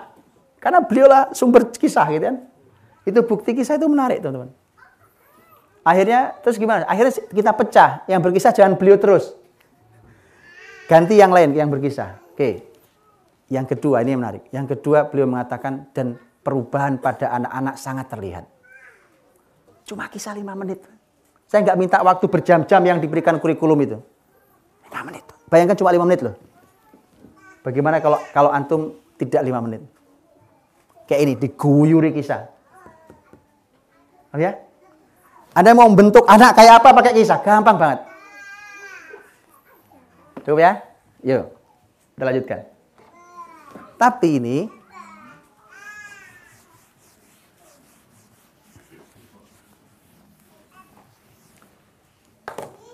ada kalimat yang kemarin juga saya sampaikan di kajian di di SK. Eh, ada kalimatnya cucunya Sa'ad bin Abi Waqqas, ada kalimatnya cucunya Ali bin Abi Thalib bahwa Quran itu ini tema Quran ini Quran itu sejajar dengan sejarah. Sejajarkan dengan maghazin Nabi, sejarah Nabi Muhammad SAW. Jadi Quran itu sejajar dengan sejarah Nabi, sebagaimana kalimatnya cucunya Ali bin Abi Thalib, eh, kunna nu'allam maghazin Nabi SAW kama nu'allam surah minal Quran. Jadi kami diajari, kami diajari uh, sejarah Nabi Muhammad SAW sebagaimana kami diajari surat dalam Quran. Segitu penting posisi sejarah. Jadi ini seperti jalan bareng, Pak. Ya, sudah ya. Berarti sekarang adalah an sejarah di jalan bersama. Tapi, ah, ada lagi kalimat yang lain. Ya, kita tata ulang nanti kita tata ulang. Ada kalimat lain. Yang pertama adalah ini diriwayatkan oleh Imam Ibnu Majah dalam sunannya. Disampaikan oleh salah seorang sahabat Nabi SAW, yaitu Jundub bin Abdullah namanya, radhiyallahu anhu. Beliau mengatakan, Kunna ma'an Nabi SAW fityan hazawirah, fata'allamnal iman qabla an nata'allamal Qur'an. Fata'allamnal imana, eh, fata'allamnal Qur'ana fazdadna bihi imanan kami waktu bersama Nabi SAW, waktu itu usia kami masih belum balik. Belum balik. Jadi sebelum balik. Dulu balik itu 15 tahun sama Nabi, sekarang balik umur berapa?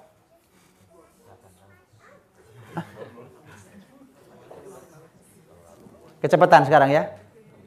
Balik kecepatan. Fisiknya matang sebelum waktunya. Dugaan saya, wallahu alam. Ini dugaan saya, wallahu alam. Kalau zaman kembali membaik, maka usia balik mereka akan kembali ke 15. Wallahu alam. Ini kajian saya tapi mungkin kita cek ya. Kenapa? Karena it, balik itu kan berhubungan dengan organ tubuh. Kematangan organ tubuh. Dia dia matang sebelum waktunya. Kenapa? Karena terlalu banyak pandangan di luar yang nggak jelas. Informasi ya, input yang masuk ke ke generasi ini dari matanya, dari telinganya, yang masuk itu membuat dia matang sebelum waktunya. Wallahu alam, 15 tahun. Oke, mana pun. Jadi kata sahabat tadi, kami sebelum balik diajari oleh Nabi iman, diajari ilmu iman sebelum ilmu Quran. Nah, ini apalagi nih? Ya, kami diajari iman sebelum Quran. Jadi kalau mau di nah ini kalimat sahabat, kemudian kami belajar Quran dengan belajar Quran itu bertambahlah iman kami. Karena teman-teman dari kalimat inilah kita bisa melihat hari ini bahkan orang bisa menganggap dirinya dokter tafsir tapi tersesat jalan. Sekarang antum tahu sebabnya? Sahabat dulu belajar iman sebelum Quran, begitu masuk ke Quran imannya nambah. Setiap belajar ayat iman nambah, belajar ayat iman nambah. Kalau orang sudah pakar bidang tafsir, tapi kemudian kok kesat jalan, tersesat jalan, maka mesti ada yang salah di sini. Itu satu nanti kita tata ulang dengan ayat. Kemudian yang kedua, yang kedua adalah e, kalimat para ulama. Para ulama dengan menyimpulkan semua yang di peradaban Islam, eh, yang di pendidikan Islam ini, mereka mengatakan ada pembahasan namanya al-adab qabla al-ilm. Belajarlah adab dulu sebelum belajar ilmu. Ya? Di saya nanti kita tata. Kita tata bahannya untuk cek dulu itu.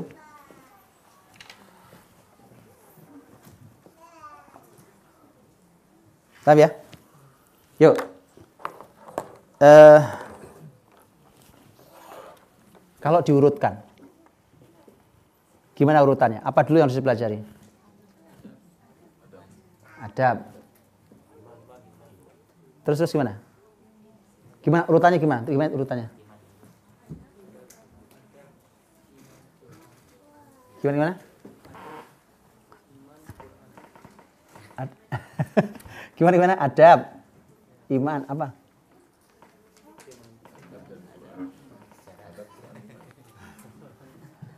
Kan udah nih. Ini kan muter-muternya ini sudah datanya. Eh, kita simpulkan supaya nanti menjadi kurikulum. Karena masih ada PR-nya nanti. Maksudnya iman tuh apa sih, Pak? Maksudnya adab tuh gimana ceritanya? Terus gimana menanamkannya kan gitu. Itu PR lagi nanti. Eh, ini dulu, simpulkan dulu. Coba gimana? Gimana, teman? Eh?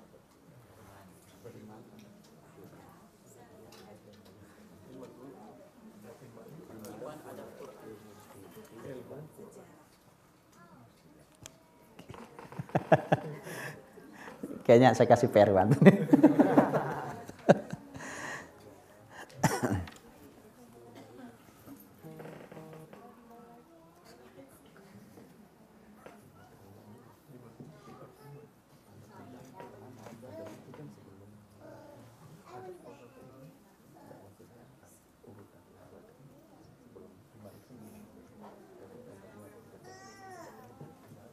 Gimana? Sudah? Baik, teman-teman ya. Ternyata yang ditanam nanti nanti semua urutannya dirapikan ayat. Ya. Eh, ternyata kita sekarang tahu nih kesalahan kita adalah anak-anak dijejali ilmu dari sejak awal. Benar? Bukan itu yang harus dilakukan dulu. Maka suka ada pembahasan di dalam ilmu pendidikan kalau kalau orang-orang pendidikan Indonesia menyebutnya sebagai anak yang digegas. Tahu maksudnya? Anak yang digegas tahu? Ya, kecepatan. Efeknya apa? Efeknya jenuh, efeknya ini itu. Bahkan saya pernah baca tulisan penulisnya kalau nggak salah seorang um, apa kalau nggak salah di Kementerian Pendidikan Indonesia eh, itu memberikan contoh-contohnya adalah anak-anak jenius yang kuliahnya di kampus-kampus ternama di dunia hari ini. Kampus-kampus top di dunia. Masih muda-muda, tapi di usia-usia dewasa mereka malah hidup mereka malah kacau balau. Bahkan ada yang cuma jadi pemulung, ada apa? Itu orang-orang cerdas yang dulu eh, masuk kampus Harvard University, maunya itu sudah itu di usia masih sangat awal, kemudian eh, apa? Bahkan sudah jadi dosen di usia masih sangat muda segala macam gitu. Ya. Itu yang disebut kemudian disebut dengan anak yang digegas. Itu. Nah, e, ternyata memang bukan bukan dimulai dari situ. Bukan dimulai dari ilmu. Kita semua ingin ajarkan anak dari awal, kamu harus bisa ini, bisa itu, bisa ini, bisa itu. Apa yang dimulai dari Islam? Adab, iman, Oke. Naik sedikit Quran, sejajar dengan sejarah. Betul? Gitu ya? Boleh ditata ya. Kalau saya tata sedikit gini.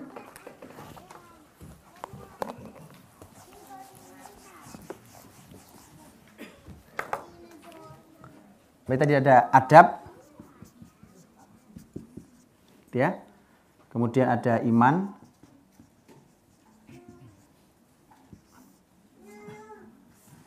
Naik sedikit ada Al-Quran.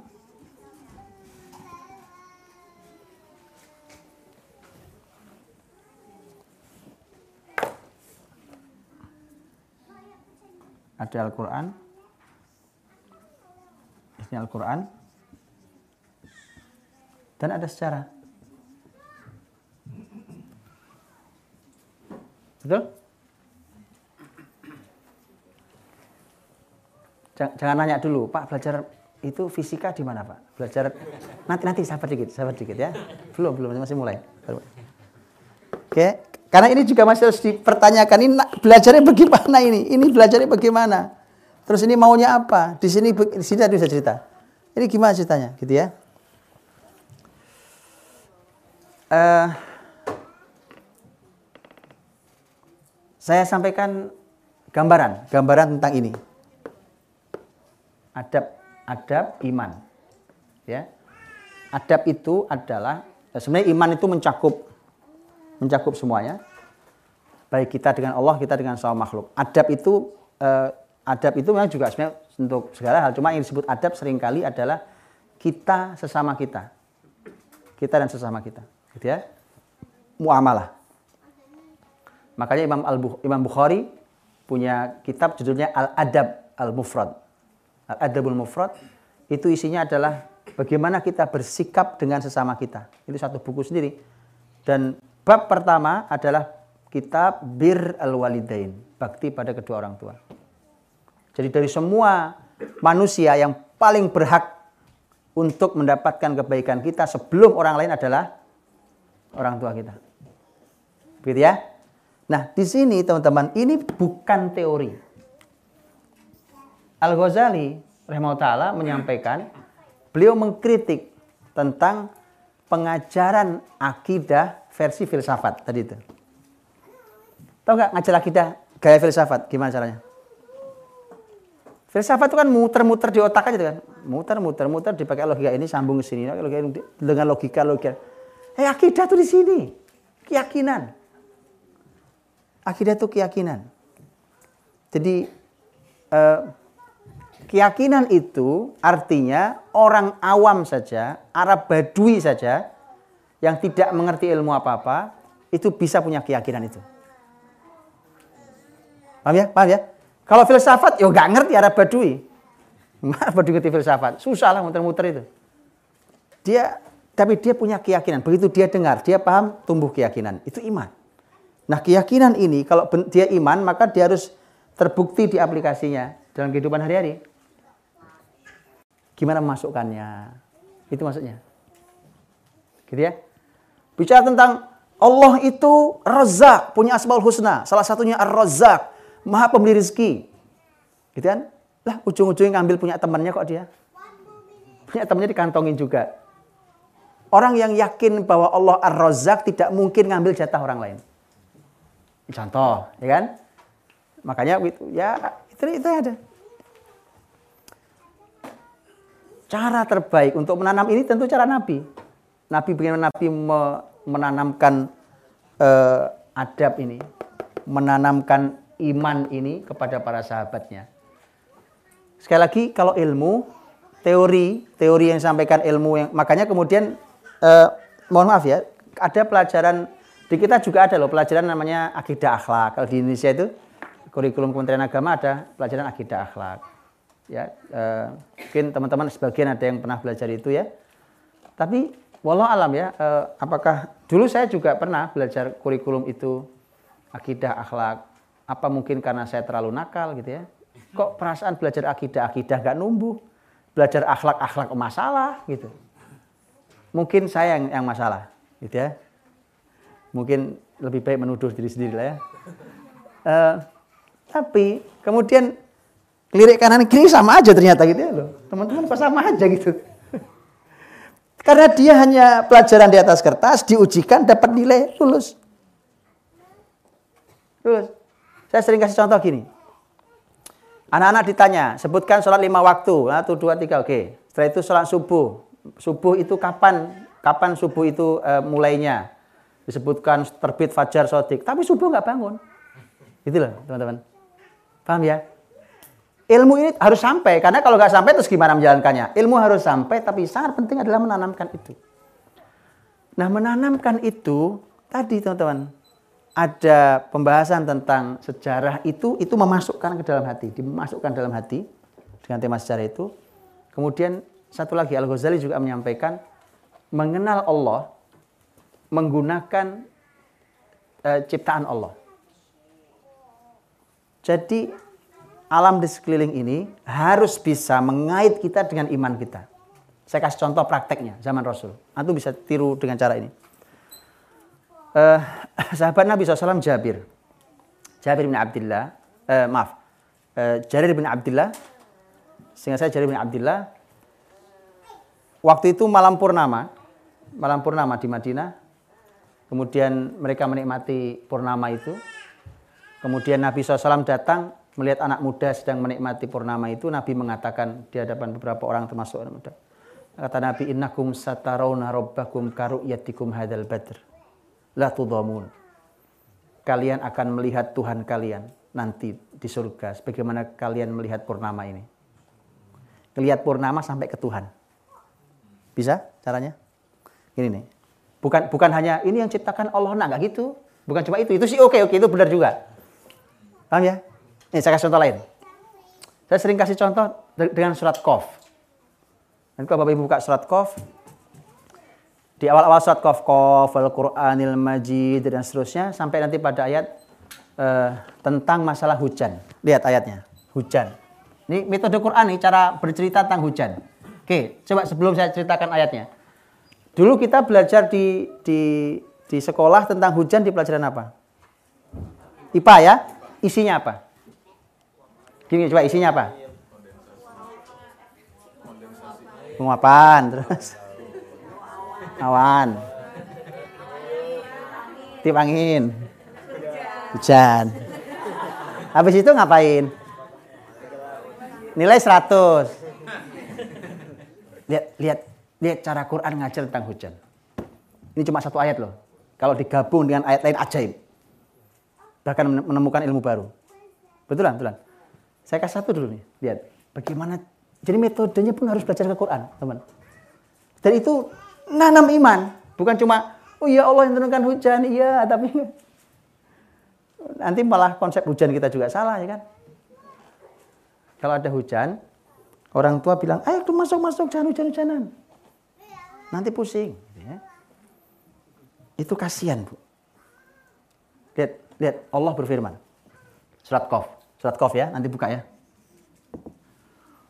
Lihat, satu.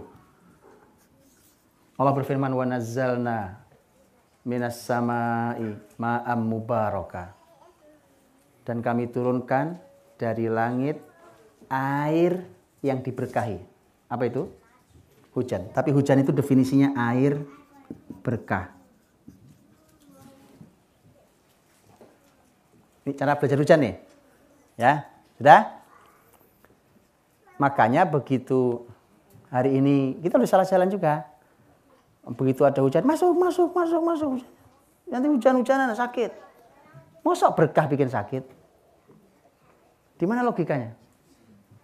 Berkah tuh bikin sehat, bikin bahagia, bikin. Makanya dulu kalau hujan tuh teman-teman Nabi, sahabat itu keluar. Nabi pakai sorban. Betul? Sorb, Nabi hujan, sorban dilepas sorbannya. Lepas. Nah, sahabat nanya, "Ya Rasulullah, kau lepas sorbanmu, kenapa?" Kata Nabi, innahu hadithu ahdin birabbih. Baru saja dia turun dari Tuhannya. Itu bahasa Rasulullah SAW. Ya kan? Eh, sahabat-sahabat itu sampai kalau hujan itu mengeluarkan barang. Barang-barang yang aman dari air itu dikeluarkan supaya apa? Tertimpa air hujan. Kenapa? Barokah. Supaya dapat barokah barang-barang kita punya di rumah. Dicuci pakai hujan. Oke.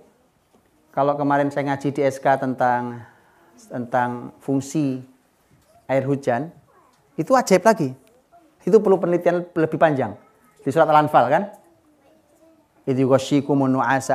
Minhu wa yunazzilu 'alaikum minas sama'i ma'an. Turun dari langit air hujan. Liutahhirakum bih untuk mensucikan kalian. Itu gampang kalau itu memahaminya. Untuk mensucikan kalian.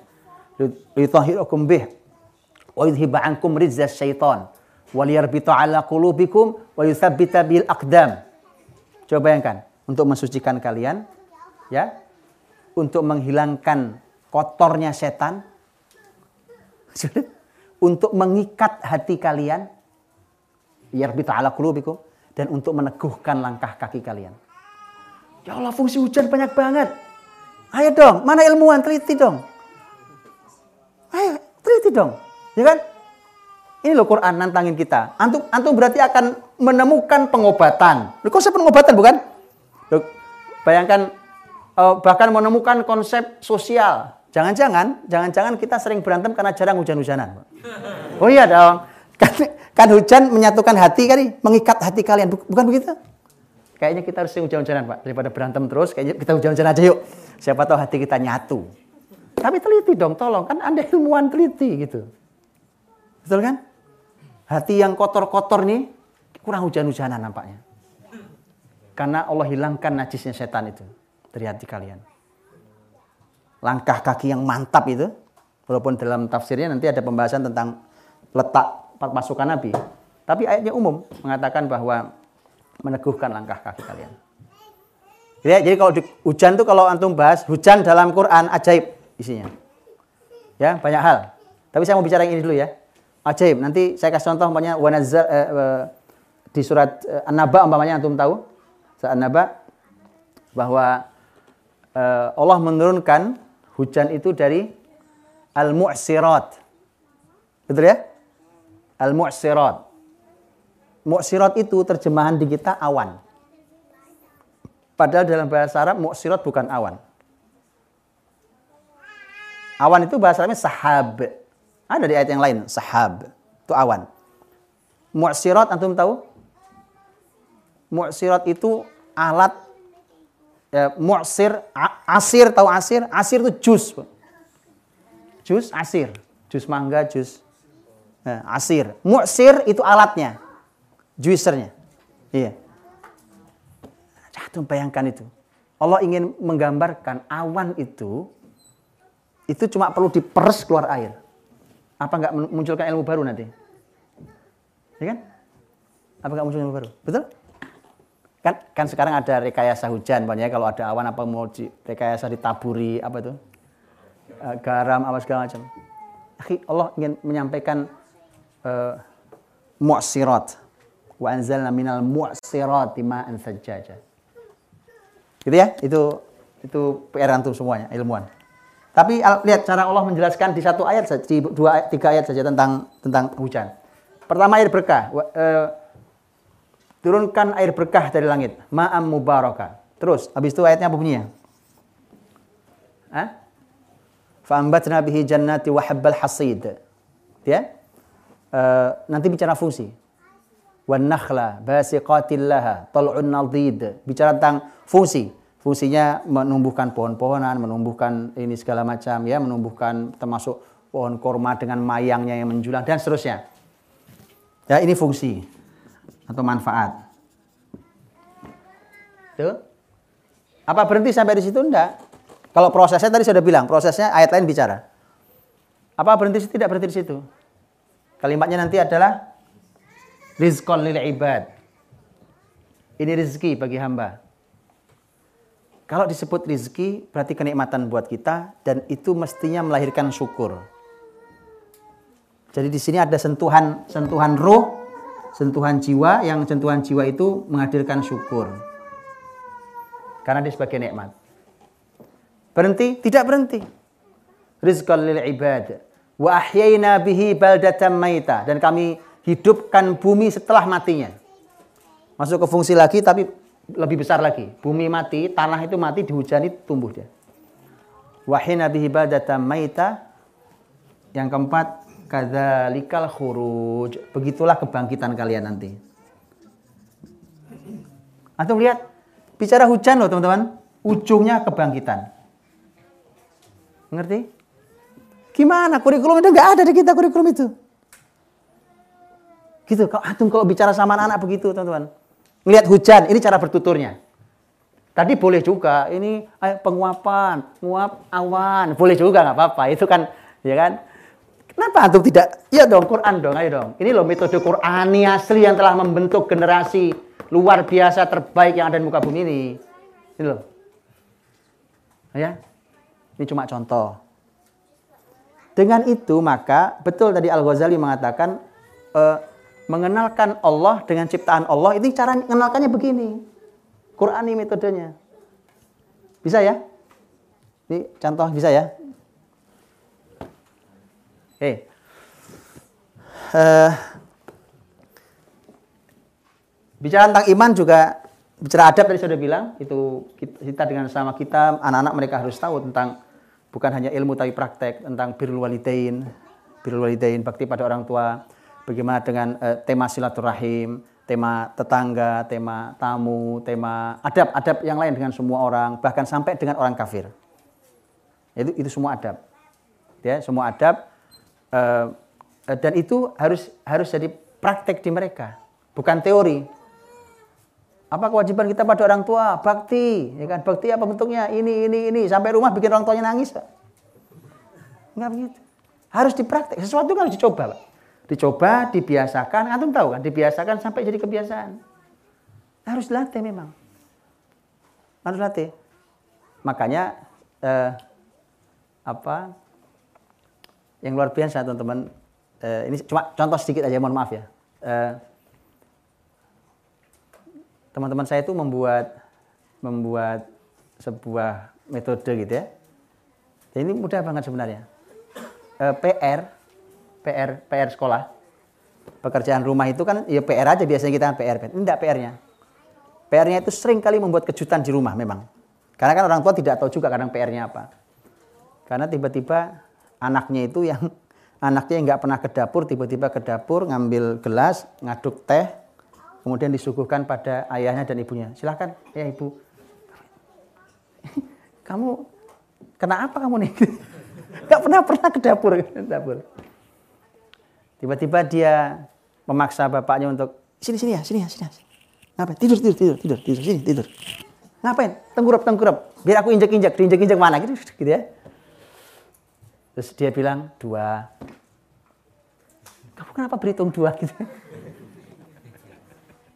lihat perlu praktek semua kan perlu dipraktekkan tentunya dilatih dipraktekkan dijaga hubungan sekolah dan rumah rumah dan sekolah kenapa? Kadang-kadang PR bunyinya begini. Saya juga kadang-kadang nanya ini PR apa lagi yang antum kasih ke anak-anak nih? Kadang-kadang PR gini besok kalian harus melaporkan tiga amal soleh yang kalian lakukan untuk bapak ibu kalian. Kadang-kadang gitu. Jadi dia berhitung injek-injek satu. Gitu ya. Benar benar Allah itu praktek. Praktek. Itu. Kadang PR-nya jelas banget PR-nya. Kamu yang laki-laki membantu ayah untuk ini. Kamu yang perempuan bantu ibu untuk ini. Birrul walidain. Bukan teori gitu loh.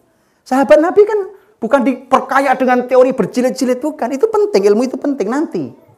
Tapi mereka praktek betul, mereka tahu apa yang ini ilmunya dijalankan, ini ilmunya dijalankan. Di sini nih. Adab iman, adab iman. Nanti di sini ada iman pada Allah, pada ayah, rukun iman yang enam itu di sini. Termasuk 60-an atau 70-an cabang iman itu di sini tempatnya. Bertahap itu. Paham teman-teman ya? Gitu ya? Baik. Ini bahasa besar sendiri. Nah, Quran kalau Quran sebenarnya mudah. Quran itu namanya Al-Quran dimulai dari membaca. Membaca, ya kan?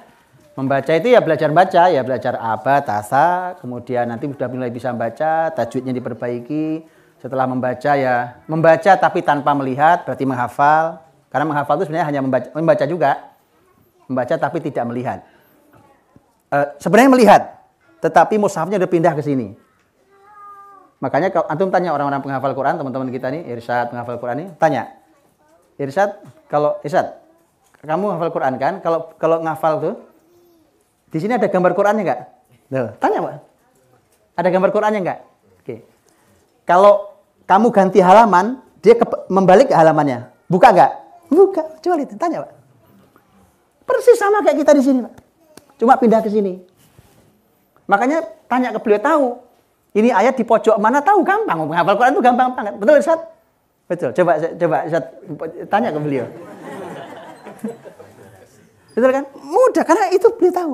Di pojok yang kini, yang tengah sini itu gampang menghafal Quran memang. Begitu, Pak. Karena mindahin mushaf taruh di sini. Itu ya. Di orang-orang tertentu, bapaknya di saya punya anak murid-murid yang juga ajaib-ajaib gitu. Ada yang memang eh, hafal itu bukan cuma nomor bukan cuma nomor ayatnya sampai halamannya dia tahu halaman berapa dia tahu dihafal semua dihafal jadi buka gini ini semua pojok dihafal jadi ada apa ada angka ya angka dihafal itu jadi dia tahu bunyi ini di halaman berapa ini di penghafal Qurannya begitu memang. Ya. Nah, teman-teman lihat. Nanti kita akan bicara pondasi yang hilang ini nanti ini akan berefek ketika nanti kita belajar ilmu lain. Efeknya sangat terlihat. Oke, ini menghafal, eh, membaca, menghafal, kemudian setelah itu tentu akan belajar ilmunya, masuklah ilmu tadabur, tafsir, gitu ya, terus naik gitu. Ilmu baca sendirilah kalau kalau tinggi ilmu baca nanti ada berbagai kiroat, eh, kiroat itu artinya beberapa riwayat segala macam hafs an asim yang kita baca dan seterusnya. Eh, tafsir juga gitu dengan berbagai macam tafsir itu itu membuka anak dan membuat mereka sangat cerdas dengan berbagai macam metodologi. Bertahap pelan-pelan. Ya. Sudah berapa yang saya baca tentang penelitian di berbagai kampus, di berbagai negara eh, tentang eh, manfaat menghafal Quran untuk anak-anak kita. Ada yang meneliti dari sisi otak, ilmu otaknya. Ada yang meneliti dari sisi psikologinya.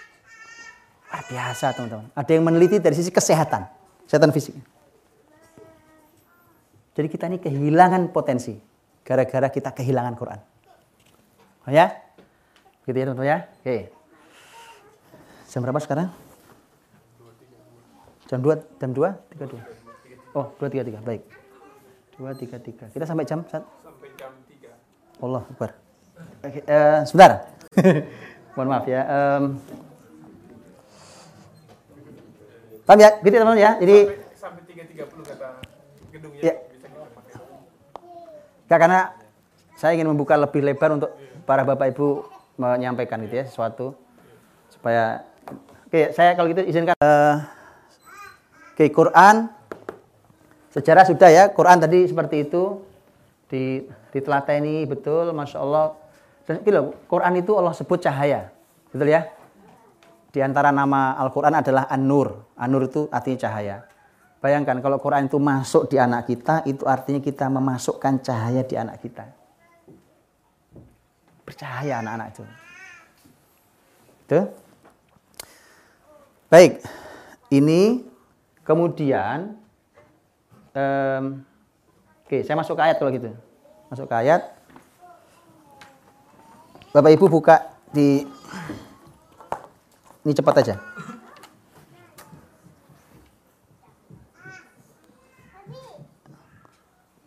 Eh, nanti ada yang surat Al-Baqarah ayat 129 ya, surat Al-Baqarah 129, kemudian ada surat Al-Jumuah ayat 2 dan surat Al-Baqarah 151.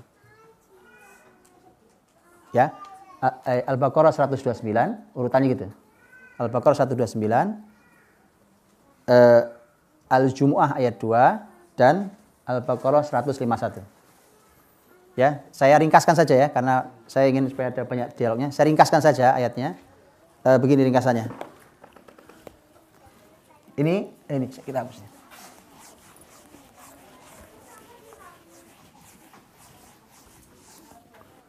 Ini kurikulum luar biasa, teman-teman. Dimulai ayat pertama itu doa Nabi Ibrahim. Nabi Ibrahim waktu masuk ke Mekah doanya gitu. Rabbana wa ba'ats fihim rasulan minhum yatlu alaihim ayatika wa yu'allimuhumul kitaba wal hikmata wa yuzakkihim. Ya, innaka antal azizul hakim. Ini doa Nabi Ibrahim minta bahwa nanti kalau rasul yang diutus di Mekah sini ini itu tugasnya ada empat. Satu membacakan Al-Quran, membacakan Alkitab, eh, ayat-ayatmu ya Allah dibacakan. Kemudian eh, mengajarkan ilmu Alkitab, mengajarkan ilmu Al-Hikmah dan mensucikan jiwa masyarakatnya. Itu tugas empat. Oke, itu doa Nabi Ibrahim. Allah jawab. Allah jawab dengan diutus Nabi Muhammad. Di Mekah Nabi Muhammad SAW.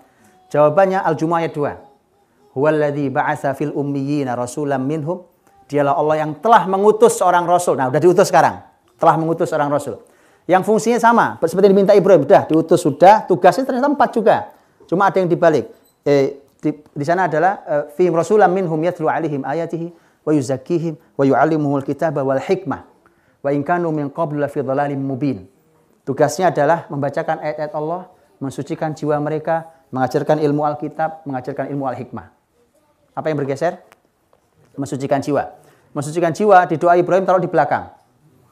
Begitu Allah utus Nabi Muhammad, tidak wahai Ibrahim, ini sudah benar empat, tapi yang nomor empat dinaikkan Allah nomor dua.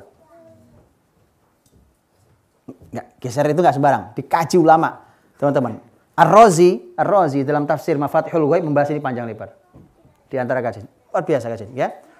Oke, nanti saya sampaikan. Wa in kanu min qablul fidhali mubin bahwa dulu mereka dalam kesesatan nyata. Hmm? Jadi kesesatan nyata, ketersesatannya generasi, tersesatnya sebuah peradaban itu selesai dengan metode ini saja. Maka kesalahan kita dalam target pendidikan adalah membuat anak pinter. Itu salah. Yang benar adalah mengeluarkan mereka dari ketersesatan yang nyata. Makanya di kita pinter iya, tersesat iya. Gitu ya, ya. Oke, ayat itu itu maunya itu. Karena dulu kalian dalam kesesatan nyata, dengan ini maka selesai. Oke. Uh, yang 151 saya bacakan sekalian. Kama arsalna fikum rasulam minkum yatlu alaikum ayatina wa yuzakkikum wa yuallimukumul kitaba wal hikmata wa yuallimukum ma lam takunu ta'lamun. Sebagaimana telah kami utus seorang rasul di antara kalian yang tugasnya membacakan ayat-ayat kami pada kalian mensucikan jiwa-jiwa kalian. E, mengajarkan ilmu Alkitab, mengajarkan ilmu Al-Hikmah, dan mengajarkan ilmu apa saja yang kalian tidak tahu. Yuk kita susun ya, susun. Tiga ayat itu, teman-teman, susunannya menjadi gini, susunannya. Yang pertama adalah membacakan ayat. Ini nanti merangkai sini ya membacakan ayat. Sudah. Yang kedua adalah mensucikan. Mensucikan jiwa. Naik lagi. Apa? Mengajarkan ilmu Alkitab. Oke, naik lagi. Mengajarkan ilmu Al-Hikmah. Oke, naik satu lagi. Apa? Apa? Ilmu apa saja yang manfaat? Ilmu manfaat. Oke, ini jawaban pertanyaan Bapak Ibu nanti. Di mana anak saya belajar matematika, fisika, kimia? Sudah tahu tempatnya? Maka tadi saya bilang dari depan, urutan tahapan, urutan tahapan. bacakan ayat, digempur ayat, ayat, dibaca, diperdengarkan, diperdengarkan sampai dihafal. Satu ayat Al-Fatihah dihafal, besok Kul ahad hafal, besok Anas Al-Falak hafal terus gitu. Sampai 30 juz dihafal, membacakan ayat. Itu ada proses pensucian jiwa nanti. Di sini sudah ada proses pensucian jiwa. di sini ada proses tambahan. Berarti ini hal yang terpisah karena ini kalau eh, ini tidak mungkin dipisah kecuali memang ada perbedaan. Orang baca ayat bisa membantu pensucian jiwa, iya. Tetapi ini berarti harus ada tambahan. Selain ini mensucikan jiwa, mereka harus mulai dikenalkan dengan eh, dengan praktek ibadah, termasuk tadi mengenalkan ini adab iman, adab iman itu masuk ke sini untuk mensucikan jiwa dulu. Saya sering mengibaratkan Bapak Ibu kalau Anda punya gelas atau punya bejana gitu, punya piring, mangkok, oke, mangkoknya kotor, berdebu. Kemudian saya datangkan air yang paling jernih dari sumber di Australia ini. Saya tuangkan di situ. Pertanyaan saya, Anda bisa minum airnya? Nggak bisa minum. Kenapa sebabnya? Airnya jernih loh. Airnya jernih loh. Sebabnya apa? Jadi tampungannya kotor. Generasi ini menjadi masalah adalah ilmu sebagus apa pun, tampungannya kotor. Malah akhirnya mubadir. Betul? Sayang, air yang jernih malah nggak bisa dipakai. Hah? Ini Islam begini. Oke. Baru bicara ilmu. Ini ilmu, ini ilmu, ini ilmu. Paham? Ya di sini. Adab iman, ini detail caranya. Nah, di atasnya sini ini. Hmm. Jadi di atasnya di atasnya sini adalah ilmu. Ilmu. Ilmu tiga itu. Ini ya, satu, dua, tiga. Ilmu Alkitab ajarkan dulu. Anak-anak mulai kenal dengan, oh Al-Fatihah itu apa sih isinya sebenarnya? Maka dikenalkan. Uh, juz 30 apa sih isinya sebenarnya yang mereka hafal pertama itu ya, kenalkan. Setelah itu kemudian uh, ilmu al-hikmah. Al-hikmah para ahli tafsir mengatakan itu al ilmu as-sunnah Jadi hadis Nabi. Mulai dikenalkan tentang Rasul. Di sini udah ada sejarah. Tapi ini mulai kenal dengan hadis Nabi. Mulai dari hadis yang kecil sedikit. Mereka mulai kenal yang pendek hadis. Ini loh Rasul Muna. Rasulmu ber- berkata begini loh. Rasulmu melakukan ini loh. Kan hadis itu kan apa yang dibicarakan Nabi. Apa yang dilakukan Nabi. Ya kan? Apa yang ditetapkan Nabi. Akhlak Nabi SAW. Itu semua masuk di hadis Nabi. Nah. Maka ilmu al-hikmah. Sudah? Kalau sudah gitu Bapak Ibu. Maka masuklah ilmu apa saja yang kalian belum tahu. Tahu sekarang? Dah, selesai. Itu ya bekal besarnya ya.